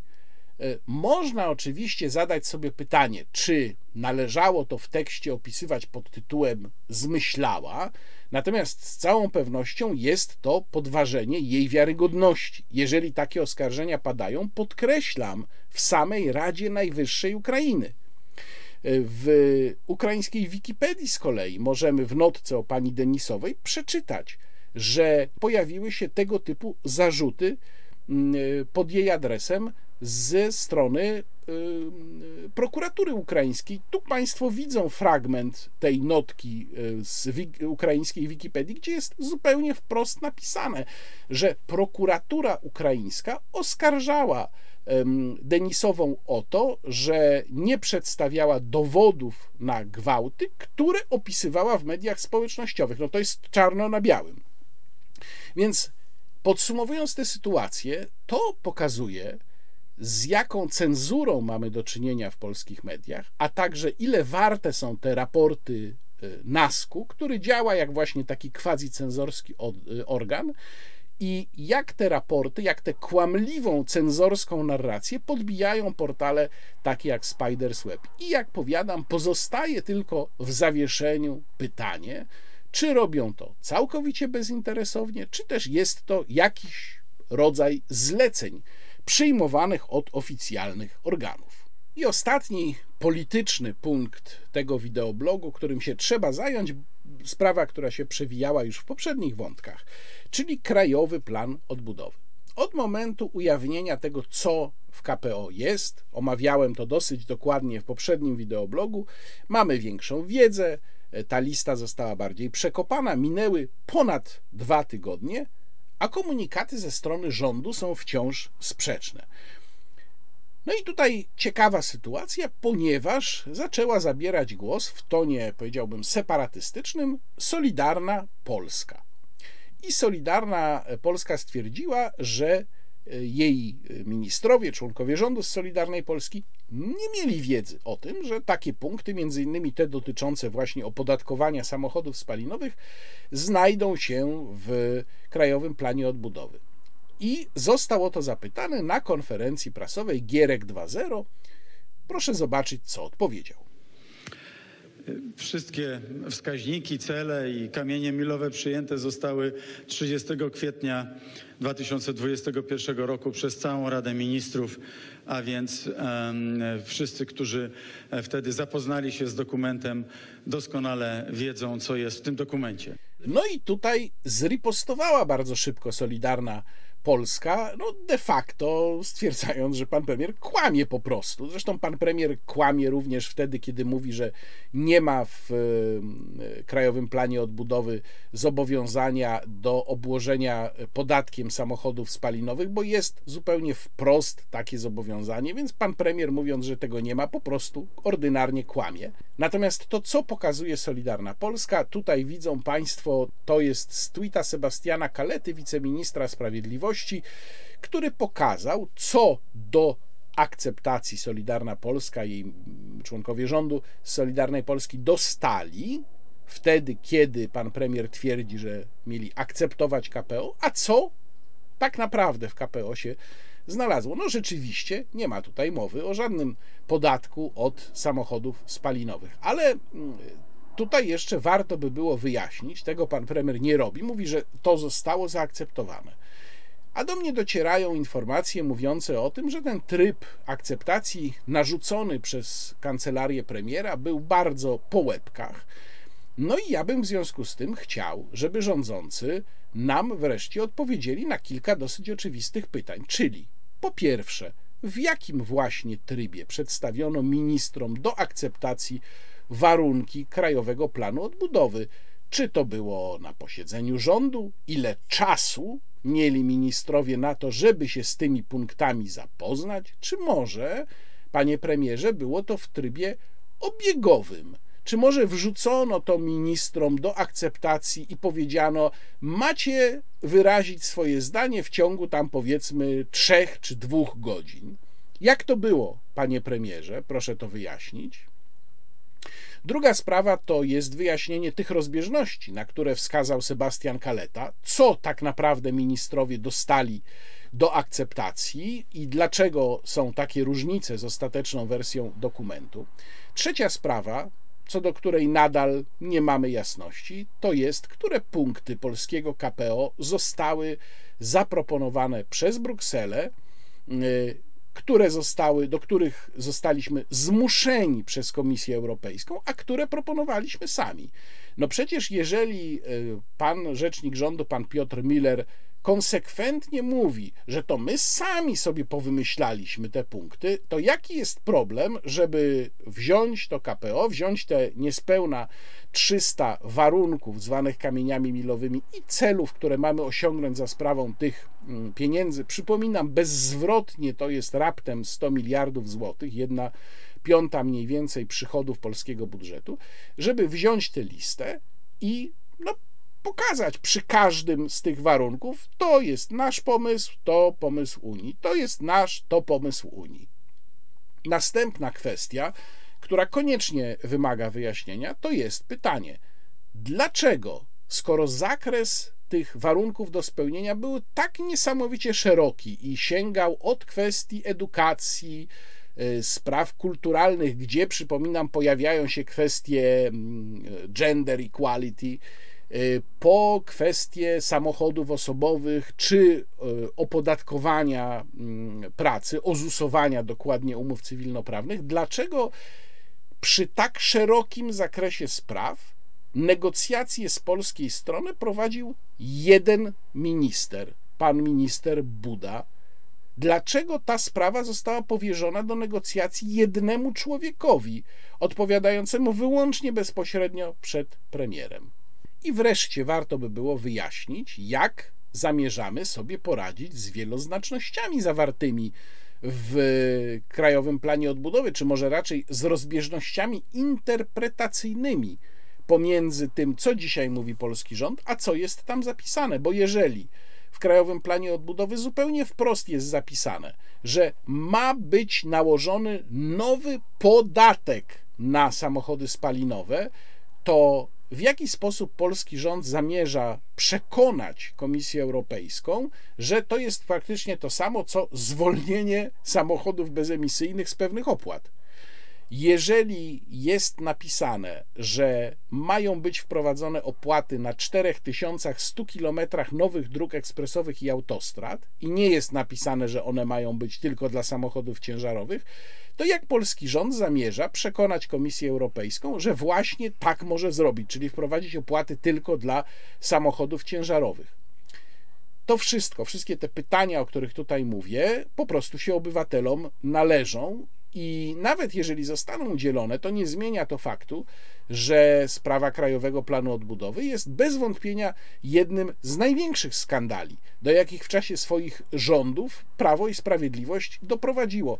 Przypominam, choć mówiłem to już dwa tygodnie temu, negocjowano za plecami obywateli niesamowicie szeroki zakres zmian w polskim państwie, zmian, które uderzą w bardzo wielu z nas i to w sprawach zupełnie codziennych. I temat jest kompletnie nieobecny w kampanii wyborczej Prawa i Sprawiedliwości. I tu właśnie wracam do początku mojego wideoblogu, bo powiedziałem, że wyjaśnię w którymś momencie, dlaczego tak jest. Otóż uważam, że KPO jest po prostu ogromnym problemem dla PiS. Takim samym problemem, w tej samej skali, albo no przynajmniej podobnej skali wizerunkowo, jak był Polski Ład. Że to jest tak naprawdę coś w rodzaju Polskiego Ładu 2.0, jeżeli chodzi o katastrofę wizerunkową. Czyli miał być wielki sukces, miały być gigantyczne pieniądze szybko. Nie było sukcesu i nie było szybko. Trzeba było skapitulować, kiedy y, chodzi o sprawy sądownictwa. I ostatecznie okazało się na końcu tej drogi, że Owszem, pieniądze może będą, bo to też nie jest pewne na 100%, ale będzie to okupione spełnieniem bardzo niekorzystnych i uciążliwych warunków, o których nikt obywatelom wcześniej nie powiedział. I to zaczyna być poważna wizerunkowa porażka, i dlatego właśnie PiS będzie próbował to kompletnie zamilczeć. I dlatego my, jako obywatele, ale także myślę, że to samo no, powinni zrobić wszyscy uczciwi dziennikarze. Powinniśmy męczyć tę władzę, żeby odpowiedziała na przynajmniej te pytania, które wcześniej tutaj przed chwilą przedstawiłem. A teraz dział kulturalny. Przy okazji wizyty w Krakowie na zaproszenie Tomasza Samołyka, którego jeszcze raz pozdrawiam i zachęcam jeszcze raz do obejrzenia mm, filmu ze spotkania. Odwiedziłem dwa muzea, w których jeszcze nie byłem, krakowskie, a które są częścią Muzeum Narodowego. Muzeum Narodowe w Krakowie w ogóle ma dużo oddziałów i dobrą stroną jest to, że zdecydowana większość z nich, jeżeli nie wszystkie, są w e, obrębie śródmieścia, centrum Krakowa, więc w zasadzie można się przemieszczać pomiędzy nimi wygodnie na piechotę. I pierwsze takie muzeum umieszczone w tak zwanym starym spichlerzu, który kiedyś stał poza murami miasta, oczywiście mówimy o tym starym, średniowiecznym jeszcze Krakowie, to jest Muzeum Stanisława Wyspiańskiego, które jest tam od stosunkowo niedawna w skali muzealnej, czyli chyba od mniej więcej dekady. Zbiór ten, który jest eksponowany, nie jest bardzo duży, ale to jest e, ładne takie w pigułce podsumowanie twórczości Stanisława Wyspiańskiego, no moim zdaniem geniusza okresu młodopolskiego, z całą pewnością twórcy niesamowicie wszechstronnemu. To jest ta cecha Stanisława Wyspiańskiego, która zawsze na mnie robi największe wrażenie. Rysownik, malarz, dramaturg, y, pisarz, projektant witraży, y, projektant dekoracji. Stanisław Wyspiański, można powiedzieć, że w dziedzinie sztuki robił, no jeżeli nie wszystko, to prawie wszystko. Na parterze w tym muzeum y, znajdziemy bardzo skoncentrowaną, skupioną, opartą na dziełach Wyspiańskiego mm, historię jego twórczości, a na piętrze y, podzielonym na trzy mm, sekcje y, do, znajdziemy mm, część jego dzieł, które odpowiadają właśnie tym sekcjom. Na parterze, jak Państwo będą, to warto przyjrzeć się tym y, rysunkom, i autoportretom Wyspiańskiego, które były e, tworzone no już w końcowym okresie jego życia, czy tam po 1900 roku, przypomnę, Wyspiański zmarł w 1907 roku, i zmarł na syfilis, który u niego przybrał no, bardzo taką drastyczną postać. On właściwie, można powiedzieć, od środka gnił i miał pełną świadomość tego, że umiera. Więc jak Państwo zobaczą mm, ten na przykład autoportret rysunkowy, w którym e, połowa twarzy jest taka no, e, bardzo chaotycznie, jakby, jakby zdeformowana.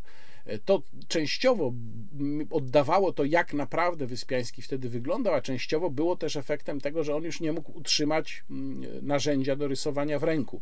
Więc przywiązywał sobie ołówek do dłoni, żeby móc w ogóle rysować. Jest tam taki dosyć wstrząsający rysunek, już bardzo właśnie chaotyczny, zrobiony naprawdę chyba w ostatniej fazie życia Wyspiańskiego. E, Wyspiański w łóżku ze swoją żoną, Teodorą Pytko, no, która nie miała zbyt dobrej prasy w Krakowie. Przypomnę, że ich małżeństwo, czyli małżeństwo przedstawiciela bohemy krakowskiej z chłopką, no, było uznawane powszechnie za mezalians i to taki, e, w którym panią Pytko winiono za różne niepowodzenia i trudności życiowe, czy nieszczęścia nawet życiowe Wyspiańskiego. E, otóż na tym rysunku on jest właśnie ze swoją żoną i obok czuwający anioł śmierci. E, tam nawet w pewnym momencie w opisie w tym muzeum pojawia się taka teza, że Wyspiański przyspieszył ze swoją twórczością, że zaczął zajmować się kolejnymi dziedzinami, y, właśnie mając tę świadomość, że no nieuchronnie jest na drodze ku szybkiej śmierci. A na piętrze y, te sekcje, o których mówiłem, trzy sekcje to żywioły, Wawel, dramat królów i Apollo, Chrystus. Tam pośród wielu interesujących eksponatów, między innymi jest tam nawinięty na wielki bęben karton do najsłynniejszego witraża Stanisława Wyspiańskiego, zrealizowanego witraża w kościele Franciszkanów w Krakowie, Bóg Ojciec. To znajdą Państwo i to szczególnej uwadze polecam makietę Akropolis Y, polskiego Akropolis, bo zafascynowany starożytną Grecją Stanisław Wyspiański wymyślił sobie, że można by ze wzgórza wawelskiego zrobić właśnie taki polski Akropol. I dosyć dokładnie to zaprojektował. Oczywiście ta makieta nie jest autorstwa Wyspiańskiego, ona tylko oddaje to, jak Wyspiański wyobrażał sobie ten polski Akropol. No, można dyskutować z tą wizją. Ja nie jestem przekonany, czy to by było dobrze, gdyby ona została zrealizowana, ale z całą pewnością jest to właśnie wizjonerskie. Jest to bardzo ciekawe. Polecam Państwa uwadze nie tylko e, tę makietę, ale oczywiście całe Muzeum Stanisława Wyspiańskiego w Krakowie. I drugie miejsce szczególnie atrakcyjne dla osób takich jak ja, czyli wielbicieli sztuki dawnej w sensie gotyckiej, średniowiecznej, po barok, to pałac biskupa Erasma Ciołka. I w tym pałacu, wielokrotnie zresztą w swojej historii przebudowywanym, znajdziemy bogatą rzeczywiście kolekcję dzieł e, rozpoczynających się w okresie gotyku właśnie i sięgających aż do baroku. E, polecam, zanim Państwo zaczną zwiedzać, można kupić taki przewodnik Galeria Sztuka Dawnej Polski, XII-XVIII wiek. Znajdą tam Państwo dużą kolekcję retabulów ołtarzowych, Znajdą tam Państwo dużą kolekcję gotyckich rzeźb. Jest tam też szczególnie interesująca rzeźba Pana e, Jezusa, czy figura właściwie Pana Jezusa na e, osiołku z szydłowca. To jest mniej więcej mm, początek XVI wieku. A warto też poświęcić więcej czasu na to muzeum i warto odwiedzić drugą jego część, która w pałacu jest usytuowana na parterze, to jest kolekcja sztuki cerkiewnej dawnej Rzeczypospolitej. I tu też warto zaopatrzyć się wcześniej w przewodnik. Dlaczego mówię, że e, warto to tak zobaczyć jedno po drugim łącznie? E, dlatego, że na mnie zawsze interesujące wrażenie robiło porównanie sztuki cerkiewnej ze sztuką zachodnią, no, sztuką kościoła rzymskiego w dużej mierze. Jak przejdziemy się po tej wystawie umieszczonej na parterze, wystawie sztuki cerkiewnej, która przecież pokazuje pewną rozpiętość czasową, bo tam są dzieła i sięgające średniowiecza i właściwie całkiem, prawie że całkiem współczesne, bo XIX-wieczne, to zobaczymy, że właśnie w sztuce cerkiewnej nie ma takiego postępu nie tyle technicznego, co samej metody przedstawiania rzeczy. W sztuce zachodniej widzimy to bardzo wyraźnie, no bo zupełnie co innego zobaczymy, zupełnie inny sposób przedstawiania zobaczymy w dziełach powiedzmy Fra Angelico, a zupełnie co innego y, w dziełach Rembrandta czy Michaela Wilmana, czyli artystów epoki baroku. No tam postęp, różnica jest gigantyczna. Natomiast w sztuce cerkiewnej mm, w zasadzie sposób przedstawiania nie zmienił się e, od, można powiedzieć, średniowiecza właśnie do nawet XIX wieku. To cały czas tam się zmieniają pewne detale techniczne, natomiast cały czas jest to to samo. Ta sztuka cerkiewna jest bardzo, bardzo stała, jest bardzo taka sama niezależnie od tego, z którego okresu pochodzi. Natomiast są tam pewne interesujące, nawet zagadkowe mutacje, to też można przeczytać w opisach w, na tej wystawie w pałacu Erasma Ciołka, na przykład kwestia pokazywania Boga Ojca.